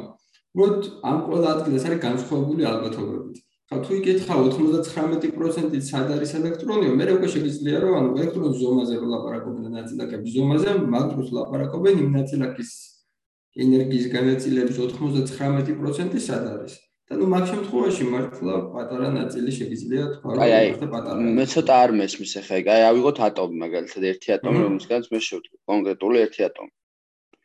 და მისი ელექტრონი. ნუ პირდაპირ დათვალიეროთ ანუ რაღაც ალბათობით ახლა მარსზეც ხარ ანუ არანულოვანი ალბათობა არის რომ ამ მომენტში გაქრე და მარსზე. აი მარსზე ვარ მაგრამ სინათლის სიჩქარეზე შორს მანძილზეც ვარ ანუ სხვა galaktikაში ვარ ალბათობით. კი კი კი ანუ ინფორმაციის გაგზავნა სინათლის სიჩქარეზე არის ეს რომ სინათლის სიჩქარეზე შეზღუდვა აქვს რომ ინფორმაციის გაგზავნა არ შეიძლება სინათლის სიჩქარეზე უფრო ჩქარა. თორემ კვანტური ფენომენი რო გაზომა მოხდეს მაგალითად ორი მე ვიცი რომ კვანტური ტელეპორტაცია შეზღუდულია მაგ მაგ მხრივ ლიმიტია მაგაში. მე არის ხო no signal theorem ქერო სიგნალს ვერ გაგზავნა. ინფორმაციის გაგზავნა არ შეიძლება თუმცა ტალღური ფუნქცია არის ზუსტად ის რომ ალბათობი ალბათობების განაწილება. ანუ მარსზეც რო ხარ და აქაც ეგ შენ ტალღური ტალღური ფუნქცია არის მთლიანად განაწილებული. დედამიწიდან მარსამდე და იმის იქითაც და მასეთი მარტივი ექსპერიმენტი არის, აი spooky action და რქვა შესაძლებელი ქმედება აინშტაინმა პირველად კვანტურ მექანიკას ებრძოდა, არ მოწონდა და კვანტურ მექანიკის ჩაჭრის მცდელობისთვის მოიფიქრა ეგეთი აზრობრივი ექსპერიმენტი, რომ ავიღოთ ორი ელექტრონი, რომლებიც არიან შეჭიდულები. ხა შეჭიდული რას ნიშნავს, რომ ელექტრონს აქვს სპინი ერთი ერთი ნახევარი და შეიძლება კონდეს პლუს ну მოდი ერთი თქვა, რომ მარტივია პლუს 1 კონდეს და მინუს 1. აა უბრალოდ შეჭიდულები როცა არიან, ვიცით რომ მაგათი ჯამი უნდა იყოს 0. ну და ეხლა ორი ელექტრონი რო ავიღოთ და დავაშოროთ, სანამ ჩვენ გაზომვას გავაკეთებთ, ეს ელექტრონი ერთდროულად არის ორიონ მდგომარეობაში, პლუს და მინუს მდგომარეობაში. და ესენ შეგვიძლია დავაშოროთ galaktikis სხვადასხვა პოლოებში. და მე ერთი ელექტრონი რო გავზომოთ აქ და ვნახავთ რომ პლუსი არის. ზუსტად გვეცოდინება galaktikis მეორე პოლოში რა ხდება, რომ ის არის მინუსი. და ამ შემთხვევაში წამებში მოხდება სამზე გასილები ცოტა დროში და სიამოვნებაში სიამოვნებას მილიონი წელი დაჭირდებოდა იქამდე რომ მისულიყო. ეხლა გასაკვირი შეიძლება არ იყოს ეგ, იმიტომ რომ ვიღაცამ თქვას, რომ აი წინდები ავიღოთო და მარცხენა და მარჯვენა წინდა ჩავდო შემთხვევით ყუთებში და ერთი ყუთი იქით გავუშვათ, გავხსენთ ყუთი და ვნახეთ. მაგრამ იმ წინდა მიცის რომ მარჯვენა ან მარცხენა და თავად ელექტრონმაც არის ის პლუსი თუ მინუსი. არის ის ეს არასწორი არის, ერთდროულად ორი მდგომარეობაში არის. ოღონდ როგორც კი ჩვენ აქ მოახდენთ გაზომვას, ისიც ეგრევე კოლაფსირდება. და მაგრამ სინთეზიკაზე ჩქარა რაღაცები შევა მოხდეს ამ პარჩა მაგალითად სივრცეს რო ფართოვდება სინთეზიკაზე ჩქარა ფართოვდება სივრცე მაგიდო გვაქვს ჰაბლის რადიუსი რომ იმის იქით ვერ დავინახავთ ვერაფერს თვითონ კოსმოსის ფართოვდება რადგან იმის იქით galaktikები შორდება სინთეზიკაზე ჩქარა ანუ სინათლე იქიდან რომ მოვა ჩვენთან ვერასოდეს ვერ მოახსოვს იმიტომ რომ სარბენი ბილიკი რო იყოს ჩვენზე ჩქარი ვერასოდეს მიყვებოდში აა ხომ ახლა მაქრო შეზღუდვა სინთეზიკაზე ჩქარა არ შეიძლება არაფრის მოძრაობას რო ვიძახით, მან გულისხმობა რომ ინფორმაციის გავრცელების სიჩქარე არის სინთეზიკარი. ანუ მესიჯის გაგზავნა რომ მოგვინდეს, მაგას ვერ გავაკეთებთ, იმიტომ რომ ჩვენ ორი ელექტრონი რო გვაქვს, ახლა ამაზრობრივ ექსპერიმენტში შეგვიძლია რომ პლუსი და მინუსი იმაზე გავიგოთ ინფორმაცია, მაგრამ იქით ელექტრონზე ჩვენ ვერასოდეს ვერ შეგვიძლია მოახდინოთ გავლენა რომ პლუსი გავახ პლუსად კოლაფსირდეს იქ, ან მინუსად. მაგაზე ჩვენ გავლენა არ გვაქვს. ანუ მაგაზე გავლენა რო გქონდეს ჩვენ რომ აქ აუცილებლად მინუსად კოლაფსირდეს და იქ პლუსი გავაგზავნოთ. მაშინ ერთიან ნოლებს გავაგზავნეთ მასე და მესიჯის გაგზავნა შეგვიძლია, ანუ სენსიჩკაზე პროჩქარა. მაგრამ შეზღუდვა ეგაა რომ ნუ სამყაროს ფუნდამენტურად ინფორმაციას ვერ გააგზავნოთ პროჩქარა სენსიჩკაზე. ხო. და მაგალითად კი, ძალიან კაი კითხვა დასვა იმას, მაგრამ მიგვიყვანა, რომ რეალურად მაგაზე პროტესტი არ უჩნდებათ ხოლმე, იმიტომ რომ ყველასე გაქვს გაგონილი, რომ სინსიჩქარი არ ყველაზე ჩქარი და მე ეძახენ, რომ აი უცები ქრო გაჩდიან ის და მაგან წეც უნდა დაარღვევს. და ნუ არ არღვევს, მის გამო რო ეხარები ცვლაპარაკეთ. ხო, და მაგაზე ეგ ძალიან კაი კითხვა, მაგაზე შეიძლება რომ ქონდა პროტესტი. სიგიჟე. ხო. ფაქტია. მ მეცნიერების 50 წელი მაგ მაგ კითხვის დასმაში გავიდა ალბათ. ვაუ. მოდი მოკლედ ესე ეგ კიდე ცალკე სიგიჟე თემაა და მოდი ხა ძალიან რომ არ წავიდეთ ჟანრიდან. აა ვიღაც აწმყოში გამოვყოთ თავი დღეს რა ხდება შენი განმსხაიდან აქ. და კიდე ის რომ მე რო უკნეულო თქვა პერსპექტივებზე რომ ანუ როგორ ხედავთ ამ ჟანრის განვითარებას. ხო. ხო თანამედროვე sci-fi საინტერესო ძალიან გახდა უფრო ალბათ ციგნებთან ერთად შოუებით, რაც Black Mirror-ი იყო ნამდვილად ისეთი ბევრი შემცვლელი და ნუ რიქენოთ ჩემი იმით.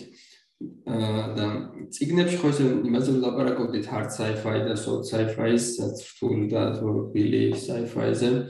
აა მაგიების ეგენი რო დაგვეხასიათებინა მაგათად როგორ ხდებოდა მაგათი გაყოფა, hard sci-fi ალბათ უფრო იყო ისეთი, რომელსაც შედარებით რთული იყო მიყოლა, მაგრამ მაგისგან დამოუკიდებლად ეგ ნაწარმოებები არის ესეთი, სადაც დაახლოებით პერსონაჟების დამუშავება და განვითარებაზე ნაკლები დრო იხარჯებოდა ხოლმე და სუფთა იდეებზე იყო ლაპარაკი და პირიქით კიდე ნუ შედარებით sci-fi იყო იმისთვის, რომ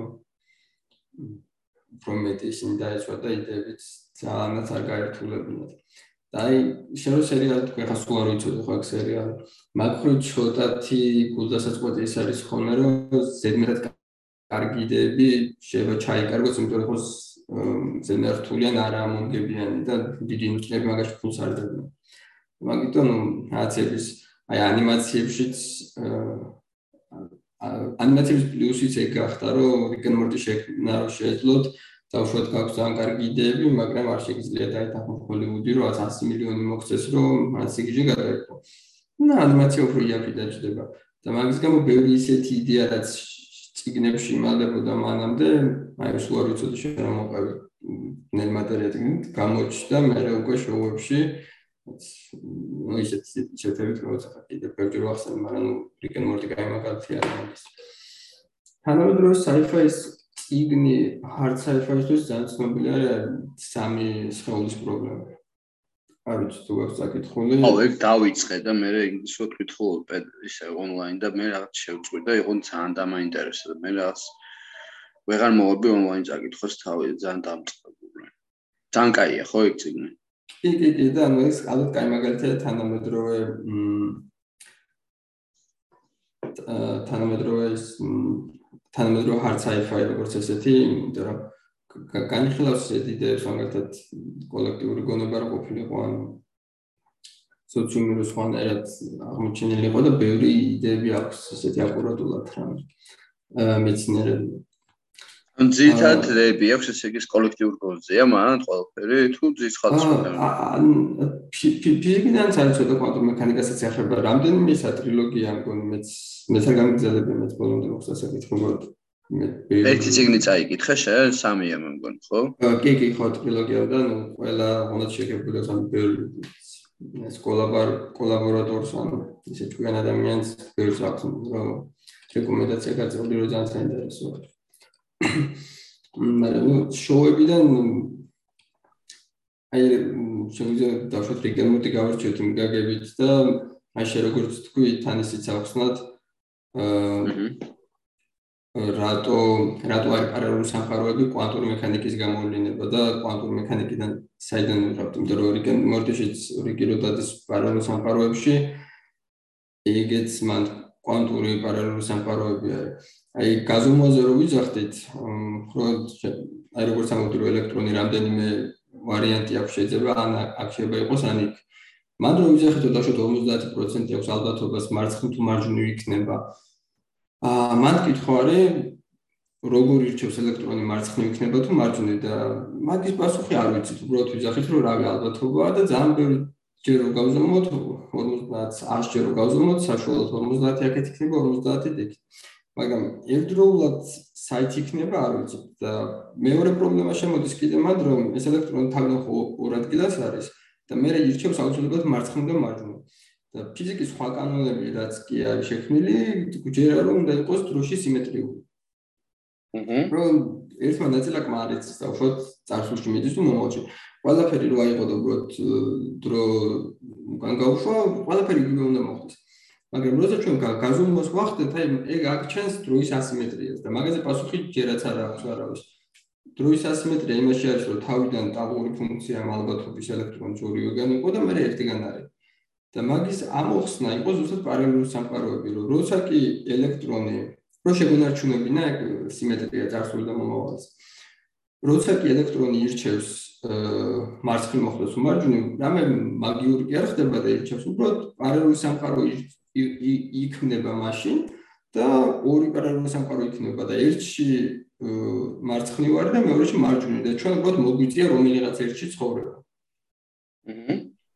და ნუ ეგ გვაძლევს მთლიანად პარალელურ სამყაროებს, რაც ნუ რიგენ მორდიშიც არის. აა ნუ სხვა ბევრი ძალიან კაი იდეებიც აქვს რიგენ მორდის და ჩემი აზრით აი მომავალზეც რო თქვი და პერსპექტივაზე შავი სარკეც Black Mirror-მა რაც გააჩინა, ბევრი მორალური კითხვებიც შეგვაჩნდება ალბათ ხელოვნური ინტელექტი რაც უფრო მოძლიერდება, ну, კითხვებიც იქნება თუ ხელოვნური ინტელექტს აქვს თუ არა უფლებები, მაგრამ მაგის გარდა სხვა უფრო აჰა ცხოვრების ორი კითხვები შეიძლება გაჩნდეს იმ ხრივ რომ მანამდე ეს sci-fi ეს მეცნიერება იყო მაინც ცალკე გამოყოფილი, ვიცოდით რომ იყო, მაგრამ ჩვენ ცხოვრებაში არ იყო ისეთი ძაფრიმით, როგორც ხელოვნური ინტელექტი, ამიტომ რომ ყველას აქვს ხელოვნური ინტელექტი ტელეფონებში, ყველა ვიყენებს ძალიან ბევრ ამაში და ეგ ფაქტიურად ახალი სიახლე არის თანამედროვე sci-fi-ისთვისაც, იმიტომ რომ ბევრი რაღაც გამოკვლევა არის, რომ ის არ არის აი სადღაც ლაბორატორიაში მეცნიერმა რაღაც აღმოაჩინეს და ძალიან მაგარია. ანუ სადღაც შაუხრელი არის ძალიან მაგარია ეგეც, მაგრამ ჩემ ცხოვრებაში ინტერფერენცია არ ხდება. მე მაინც ვაგზავნებ ჩემ ცხოვრებას, როგორც მანდ ვაგზავნებ. და ხელოვნური ინტელექტი უკვე ეგრე არ არის, აი მაგალითად ერთი სერია აქვს Black Mirror-ს, რაც Be Right Back, ერთ კაც ქმარი მოკვდება და მე ხელოვნური ინტელექტი ჩაუნდებს ამას. ქმარს თავიდან მარტო წერს, ანუ ხელოვნური ინტელექტს ასწავლი, წააკითხებს მთელ თავის მესიჯებს ქმნისას და მე ეს ხელოვნური ინტელექტი ისე იქცევა, როგორც მაგის ქმარი მოიქცევა. და აი მან მაგალითად რამდენ ეგეთი დილემები უკვე ჩვენ ცხოვრებაში თანაკვეთა ექნება და მაგ მაგების გამოკვლევა კარგად დაიწყო Black Mirror-მა და მომავალშიც ერთ-ერთი სიახლე ალბათ ის იქნება, რომ ისე ორთოგონალური და ისე ურთიერთ გამომრიცხავი აღარ იქნება ჩვენი პირადი ცხოვრებები და მეცნიერება როგორც ეგეთი.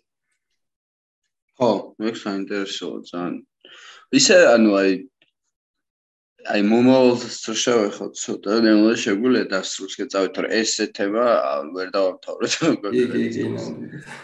აა ანუ აი თან ჟანრის მომავალს როგორ ხედავთ ცოტა უცნაური შეკითხვა, მაგრამ მე მაინც რატომაც ეს ტენდენციას ხედავ, რომ ძალიან პოპულარულია ეს ჟანრი ახალგაზრდებში და ანუ უფრო რაღაც განვითარებადი ჟანრია მაინც რა ესე მგონია და მგონია რომ სულ უფრო გაიზრდება მისი პოპულარობა მგონია რომ ეს თაობები პატარა თაობები რომლებიც ეხლა ამ ჟანრზე არიან შემიჯდრები ესე ვთქვათ რომ გაიზრდებიან მაინც იქნებიან ამ ჟანრის შემიჯდრები და მე უკანა თაობები რომ ახალი თაობებიო წამონი ისინიც იქნებიან და სადღაც შეიძლება მივიღოთ 30 წელიწადში ისეთი რეალობა სადაც პაპა, ბებია, შვილი და შვილი შვილი ყველანი ამ sci-fi-ზე აფრენენ. აი რაღაც ეგრე წარმოიდგინე. აი აი მაგალითი არის, იმიტომ რომ თავებს შორის სხვაობები რო არის, თავების აა ხო, გემოვნებების შორის სხვაობები არის და იქ სამივე თავება რო sci-fi-ის ტიპები იქნებიან.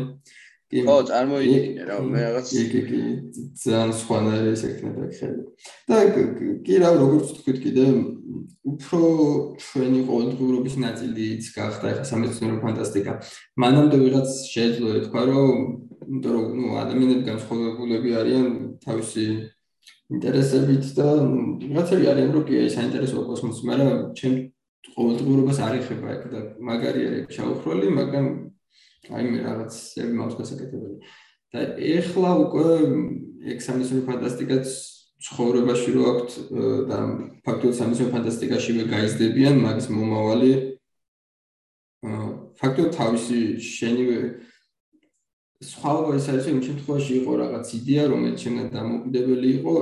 დღეს შენ სამისო ფანტასტიკას თუ ეცნობ, ეცნობი ნახულობ რა იდეები არის, როგორ შეიძლება ხელოვნურ ინტელექტმა და თავროს როგორ შეიძლება გაქვს თუ არა თავისუფლება და რა შემთხვევაში გექნებოდა რა შემთხვევაში არ არის როგორ მოხდებოდა. და ის უკვე ის მოთხოვნა რომ ადამიანს შესთავაზო რა შენ მომავალი რომ დაგანახო საინტერესო იქნებოდა მაგაზე უფრო მეტი ადამიანი იქნება თანახმა ვიდრე აი შავხროლის საინტერესოა მაგრამ ბევრი იქთქოდა რომ არის რა ის შავხროლის თავისთვის მე ცხოვრებაში არ მეხება და დღეს ახლა ფაქტურად თავისი მომავლის ში ჩახედება და ჩაჯვრეთის საშუალება უფრო მეტად რო იქნება, უფრო მაცდური იქნება და ეგ ჩემი აზრით უფრო გააფართოებს კიდეც ხო. ბატონო, მეც რაღაც ეგრე წარმომიდგენია და რას ფიქრობ მომავალში, რას უნდა ველოდოთ, რა თემები იქნება, რაზეც ხშირად დაიწერება უფრო სამეცნიერო. აა ხო, არის მოგვიყევი რა, ის დაწერა საპირე მომავალში, მე არ მგონია მალე დავწერო რა. არა, ზოგადად რას ფიქრობთ, რა თემები იქნება თქო, ისეთი აქტუალური თქო? თუ ფიქრობთ მაგაზე. კი, კი, კი, საინტერესო კითხვა, ალბათ, ალბათ მიყვება ეს ტექნოლოგიას, როგორც ვამბობდით, ну, რა თქმა უნდა, ხელოვნური ინტელექტით და კვანტური მექანიკაც გახდება უფრო ხა ინტუიტიური ალბათ არ იქნება, იმიტომ რომ ეს ერთდაუთავებაში ვერ მოხდება.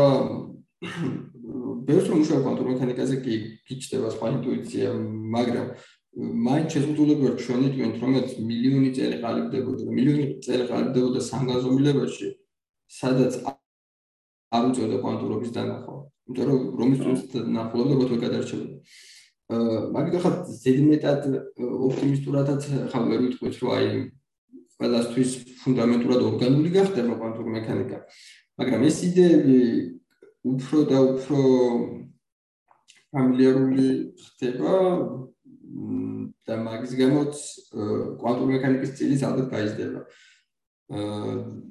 კვანტური მექანიკის წილი რო გაიზრდება, ალბათ უფრო გაფართოვდება მე სხვადასხვა ვარიანტების დაწერა. ანუ ჩემს აზრით ერთ-ერთი დიდი ბუმი არის მოსასვლელი, როგორც ერთი ბუმი იყო ფარდობითობის თეორიით, კვანტურ მექანიკას ბოლომდე არ შეუხსებია ჯერ ფარდობითობის იმაში. სამეცნიერო ფანტასტიკაში და ეგ ბუმი კიდე მომავალში უნდა იყოს. იმიტომ რომ ნუ ექსპერიმენტები არის მაგალითად quantum eraser, quantum წაშლელი, რომლის ინტერპრეტაცია არის რომ რაღაცა რომ მოხდება, ფაქტიურად წარსული შეიძლება გადაიწერება. ანუ ძალიან მოკლედ მეც მაქვს რა ჩემზეში ექსპერიმენტი და ანუ მაგის გაშლა ხო სიგიჟე არის ფაქტურად ისიც არა რომ აი დროში მოგზაურო და რაღაც ლაბორატორიაში ადამიანებს შეუძლია ჩაატარონ და დღესაც კი და ინტერპრეტაცია ის ექნება რომ აი მოდი წარსული გადაიწერა და მაგის სამეცნიერო ფანტასტიკაში გაშლა საინტერესო იქნება ეგრე და უშუალოდ ჩემთვის საინტერესო იქნება რომ დავნახო კვანტური მექანიკის იდეები რომ ორი რაღაც ერთდროულად ხდება და არა მაინც და მაინც ერთი ფლოთ ლაინი მიდის რა. ბატონო. ხო, აი რა, აი მე მაგალითად პირველი ორი ციგნი იმაზე იყო ჩემთვის აქ სიმულაციები და ვირტუალურ რეალობებზე იყო და ეხა რაღაც აი აა ძალიან გამიტაცა ამ შავი ხროლის იდეებმა და მომინდა რომ ამ შავი ხროლის თემაზე გამეკეთებინა რაღაცა რა. ადრე მაქვს რაღაც ერთი მოთხრობა დაწერილი. ერთ დღეს დავწერე რაღაც სიუჟეტი იმაში ხდება რომ რაღაც კოსმოსური ხომალდია რომელიც მომავლის ხომალდია რა და არის ესეთ განვითარებული რომ რაღაც დონეზე ჰორიზონტს თუ გადაკვეთავს მოკლედ დამცავი ფარი აქვს რაღაც ანტიმატერიისგან თითქოს ცოტა ხანი ძლებს თუ რაღაცა რა მშავ ხოლის ჰორიზონტის გადაკვეთის შემთხვევაში და შემთხვევით გადაკვეთავს მოკლედ და ნუ მთელი ის არის რა სიუჟეტი ამ მოთხრობას ყვები ხამ შემთხვევაში გრძელდება იმაში რომ აა შიგნით ყოფი ტიპი, ვინც არის ამ თელის ეკიპაჟი, მოკლედ მისია ქონდათ ესეთი, რომ ჰორიზონტის გარშემო უნდა ეარათ და აა დრო მოეგოთ რა, მოკლედ ანუ ჰორიზონტის გარშემო თუ ივლიდან რაღაც სიტყვა თუ მათი გავიდა 5 წელი, 10 წელი გავიდა და დედამიწაზე და რაღაც აი პირველ დროში მოგზაურებინა ყოფილიყვენ და უშვებენ შეცდომას და შემთხვევით ჰორიზონტს კვეთენ და მოკლედ რა გამოთვლით შეცდომის გამო და უკვე ჰორიზონტს გადაკვეჩემდნენ, უნდა უნდა განადგურდეს ეს ხომალდი, მაგრამ რეალურად ზოგადად თუ წარმოვიდგინეთ ეს ხომ ალბათ თუ განადგურდება გარემყოფებისთვის სიტყვაზე შეიძლება იყოს აი ზუსტად ის ჭაბუკის ამბავი რა ათასობით წლები გასული ან თუოს მილიონობით წლები და მოკლედ აი რაღაც ეგეთი მოთხრობა მქონდა და მოკლედ ბოლოს იდეა ისაა რომ ეს ტიპი რომელიც უკვე ანუ ახსასულს სრულდება რა ყველაფერი ამ კოსმოსში ხომ მოკლედ ვეღარ უძლებს ეს ანტიმატერიული ფარიც ვერაფერი და ბოლო მომენტია რომ რაღაც ინფორმაციის დონეზე ცდილობს რაღაცა გაუშვას ამ შავი ხრელიდან წიპაი ჰოლკინგის რადიაციისავით რა რაღაც ინფორმაცია რო გადის და აა როგორღაც ახერხებს თუ რაღაც ამ რო ინფორმაციამ გააღწიოს ამ შავი ხრელიდან რომ ვიღაცამ გვიშალოს იმიტომ რომ ამას ის მომენტი აქვს რომ დედამიწას ხომ უამრავი წელიაო გასული და კაცობრიობა ისე განვითარდა რომ ვაფშე თავისუფლად შეიძლება ვაფშე ახლა ამოგვიყვანონ რა როგორც ინტერსტელარში მომავლის ისინი რო უკეთებენ ამ შავი ხრელის პორტალს და რაღაცები და. აა და ნუ იდეა ის არის რომ ბოლოს რაღაც არსება შიფრავს სამ ინფორმაციას. და ეს არსება არის აა ადამიანების შთამომავალი თუ შეიძლება შთამომავალი ეწოდოს. მაგრამ რეალურად გამოდის რომ დედამიწაზე არის მილიონობით და მილიარდობით წლები გასული და ადამიანებს აღარ არსებენ აღარაფერი და რაღაცა მხოლოდ ზიარსების სახით არსებობს სიცოცხლის ფორმა რომელსაც მატერიის ფენომენის ფეხებზე კიდია რაღაც პონჩი და აა როდესაც ეს არსება ესე მთავრდება რომ შიფრავს ამ ინფორმაციას რომ ვიღაც ადამიანები არიან უთქენ რომ ამ ყულაბაშავით რაღაცა კოლბში არიან გამოკეტილები რა ამ შავქოლში და ან მისთვის ეს ადამიანები ანუ იმდენად უკვე ის არის რომ ინტერესო როგორც შემთხვევით შეიძლება ეხლა რაღაცა ჭიანჭველების კოლონიას რო გავლიდა, ისინი რო იქ რაღაც საჭმელს ცდილობდნენ რომ მოიპოვონ, შენ არც დაფიქრდები სიტყვაზე იმაზე, რომ ხوار დავეხმარო ხა ამათან. პირობითად რა. კი, კი, კი.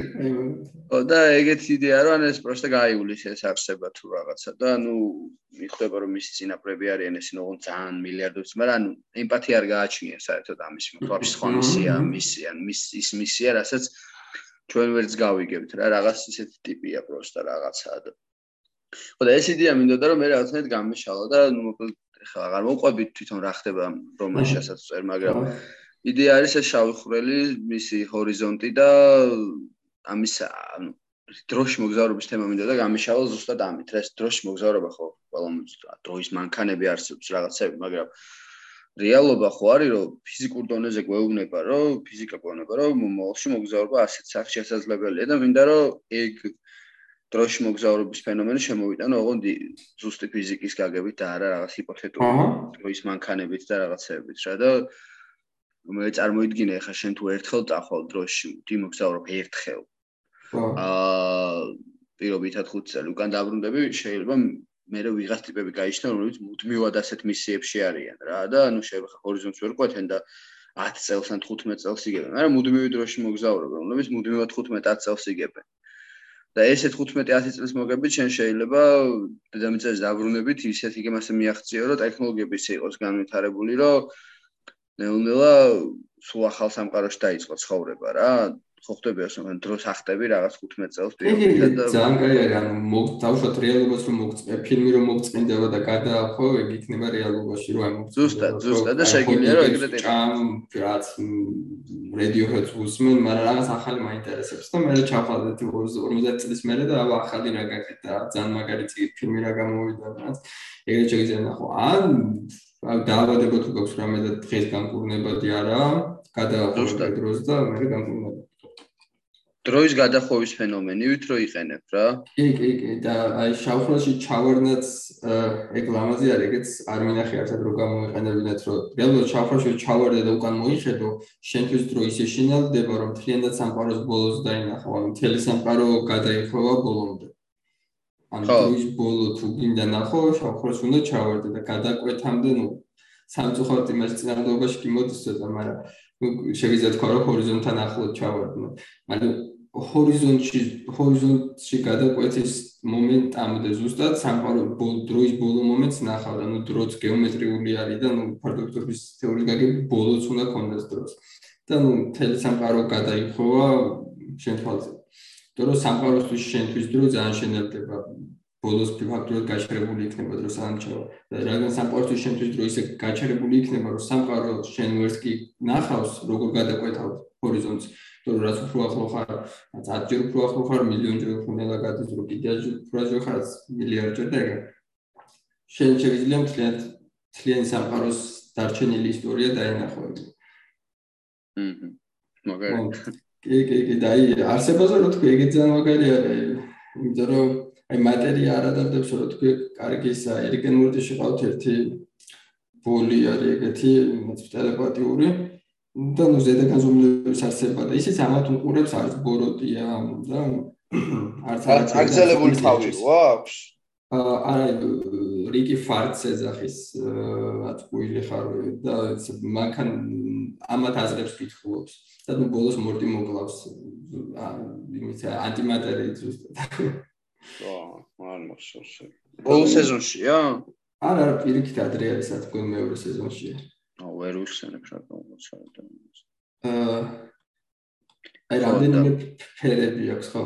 მაგრამ აი რო და Google Docs-ში Rick and Morty file მაგას ნახავ, მაგრამ აა მან მოგამი რა არის, ზუსტად შეიძლება თქვი რომ ემპათია არ გააჩნია, ანუ ემპათია და ეგეთი რაღაცები რამდენად სუბიექტურია ჩვენი არსებებისთვის, რომ სამგაზომილებაში კი ბატონო შინაარსი აქვს, მაგრამ იმისი კი და აქვს ამ შინაარსი თუ რაღაც ახალი არსებობს.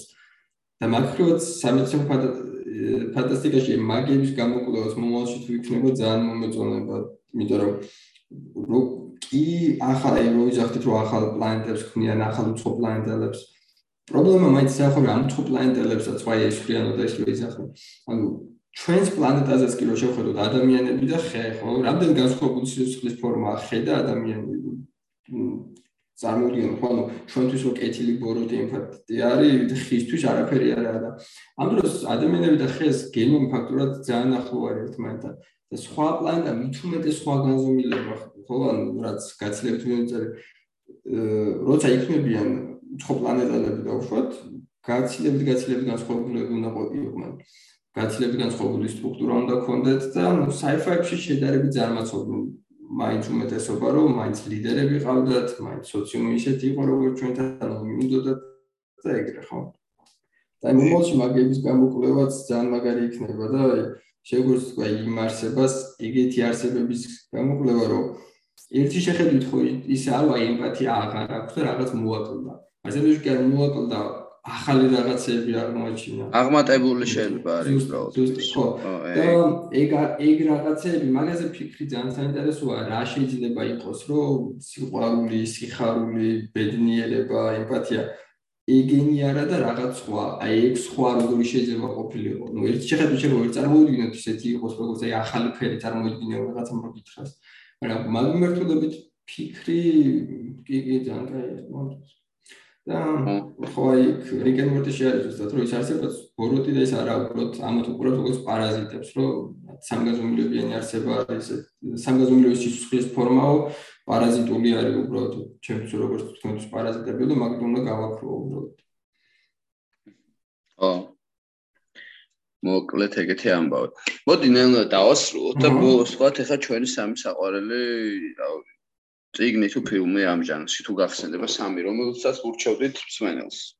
ხო ციგნზე სხვადასხვა სამეცნიერო ფანტასტიკა ოფიციალურად არის და დიდათაც არ გავს მაგრამ ჩემი ერთ-ერთი საყვარელი ციგნი არის ყვავილები ერჯერნონისთვის flowers for erjernon და მაქსიქში პერსონაჟი არის რომ ბევრს არ დავასპოილერებ მაგრამ იდეა არის რომ პერსონაჟი თავიდან არის რომ პრობლემები აქვს და გონება შესაძლოა გონებრივი პრობლემები აქვს კი. კი და მე ნუ ჩვენდება და ნუ საინტერესო მან ძალიან ის არის რომ რაც არ მარტო sci-fi-შიც არა ნებისმიერ ლიტერატურაში რაც არ უნდა გენიოსები იყვნენ ავტორები და შექმნან პერსონაჟი ეს პერსონაჟი ყოველთვის არის ფიქსირებული. ხა ვიღაცა იტყვის რომ კი მარტივია პერსონაჟი შექმნა აი ჯონი ქვია ვაშლები უყურს და ყვითელი ფერი. მაგრამ ნამდვილი არ იქნება ეს ნამდვილი პერსონაჟი შექმნა ისედაც რთული არის და გენიოსებს როცა გამოსდის და ქმნიან ნამდვილ პერსონაჟებს, მაინც ფიქსირებულები არიან. იცი რომ აი ეგ ეგეთი ტიპი არის და ეგრე მოიქცევა. და ძალიან იშვიათად ხდება ხოლმე, როცა გაჩვენებენ ევოლუციას ამ პერსონაჟის ამ პირიქით დეგრადაციას. არადან ადამიანების ცხოვრებაში დინამიური არსებები არიან და მაგიდებს მიყენება ცხოვრებაში რო ახდენთ, გვეკარგება ის გონია რომ აი ესეთი არის, ესეთი და მე ცხოვრებაში მაგ მოლოდინების გამო რაც გვექნება ციგნებიდან და ფილმებიდან ზოგჯერ წინს რომ მოიცადე კაცო ეს ხო ესეთი ტიპი იყო, ეს რატომ მოიქცა და ნუ დინამიური არსებები არიან, ამ პირიქით ვიღაცაზე შევა არც ისე თქოს რა გაბრაზებული იყო თან რაღაც და ახ კარგს არაფერს მოვიდეთ. და მაგ ციგში ძალიან ლამაზად არის ნაჩვენები, როგორ ჭკვიანდება ეს პერსონაჟი. და შემდეგ პირიქით როგორ არის რეგრესი. და ეგ ძალიან საინტერესო ცადაც შემაშინებელიც, იმიტომ რომ აი დაუშვათ პირდაპირ საინტერესო ის არა დაუშვათ ინტელექტუალურ დაგაგდეს ან გაგინახევრ ეს ადამიანს, მაგას ვერ შეამჩნევ შეიძლება. იმიტომ რომ რაღაცები მოგწონს გონია რომ აი ხა ეს მომწონს და ეს არისო. და აი ციკში ლამაზად არის ნაჩვენები დაუშვათ დამატებითი გარე რაღაცეებით ხდება, რომ აი მუსიკას რო უსმენ და კლასიკურ მუსიკას მოწონდა და ეხლა რო უსმენ ხდება, რომ უი არ მომწონს უბრალოდ მახსოვს რომ უნდა მომწონდეს ესო და ეხლა ამის შეცნობა აღარ შემიძლია. ხო, და მაკროვის სამეცნიერო ფანტასტიკა, კლასიკური სამეცნიერო ფანტასტიკისგან განსხვავებული არის ხო, იმიტომ რომ რაც კოსმოსი და ლაზერები არა, მაგრამ აი ერთ-ერთი ძალიან კარგი ეს არის. ციგნიდან სხვა შორის ალბათ მარტო მაგას ვიტყოდი. და შოუდან ვიტყოდი Rick and Morty-ს, იმიტომ რაც საოცრად ბევრი იდეები აქვს. რაც ძალიან ცოტა რომ ახსენო თავი აქვს კოლექტიურ გონებაზე ისინი იდეები, ну, квантум მექანიკაზე, რა თქმა უნდა, და ალბათ ერთ-ერთი ფილოსოფია და ფილოსოფია და სამეცნიერო ფანტაზია სამეცნიერების ყველაზე ესე ვთქვათ mind blowing იდეები რაც არის თითქმის ყველა გამოყენებული აქვს ლამაზად და თან ნუ წუთიან სერიებში აქვს შეტანილი.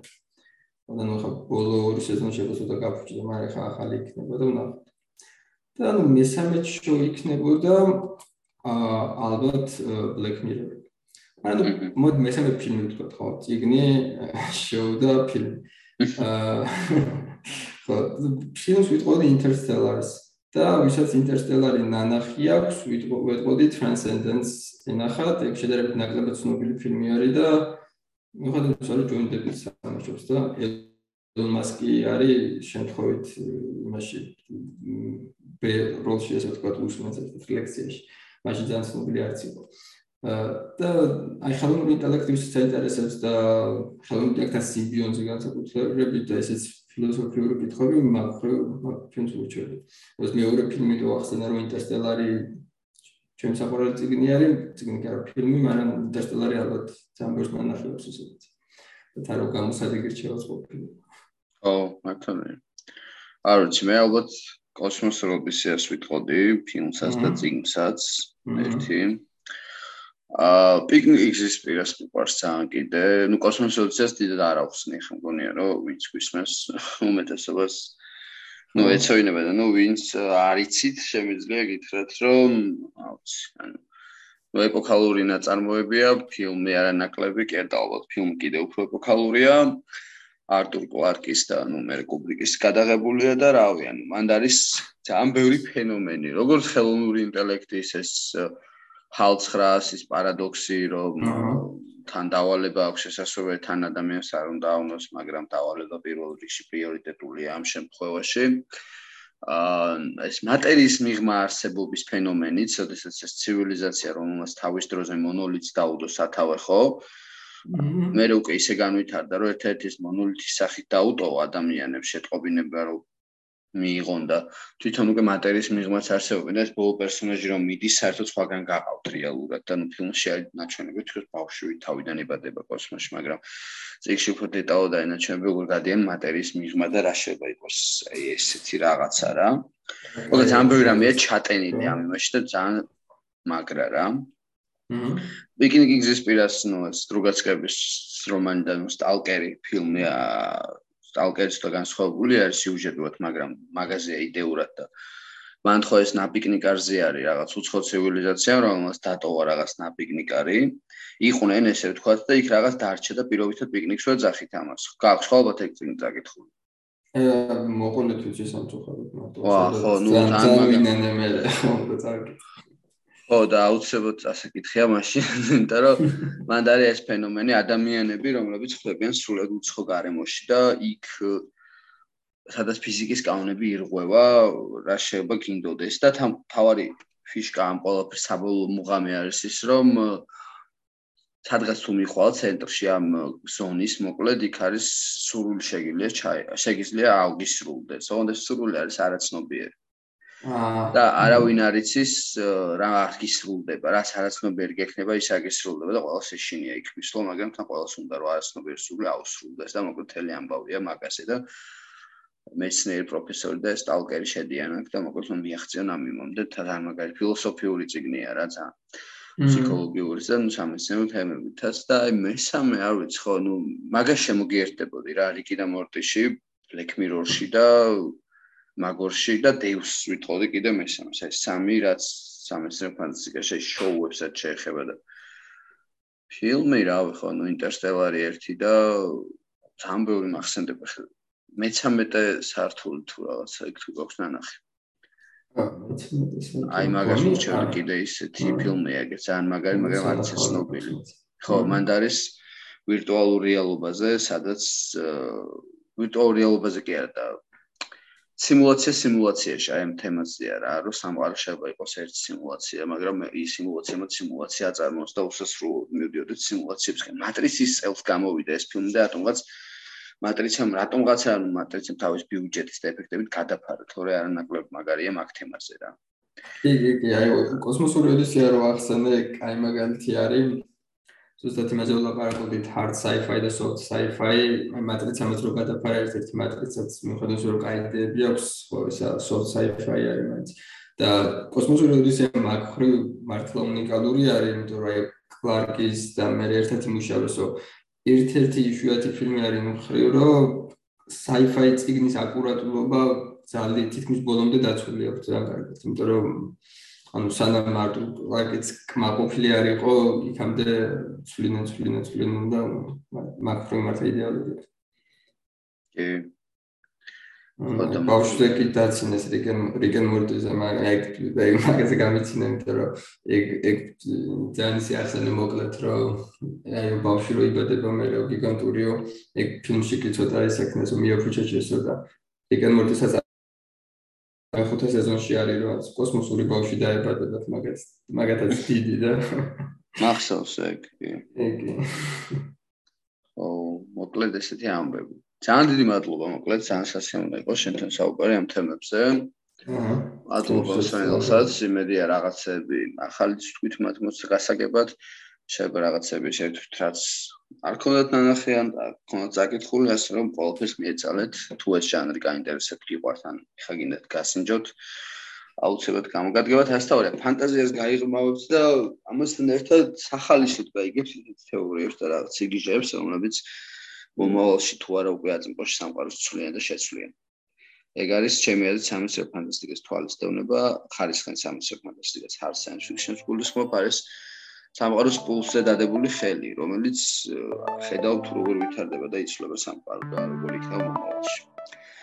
მადლობა კიდევ ერთხელ და შეგვიძლია დავასრულოთ და ყველას გსურვებთ ფანტასტიკურ მომავალს.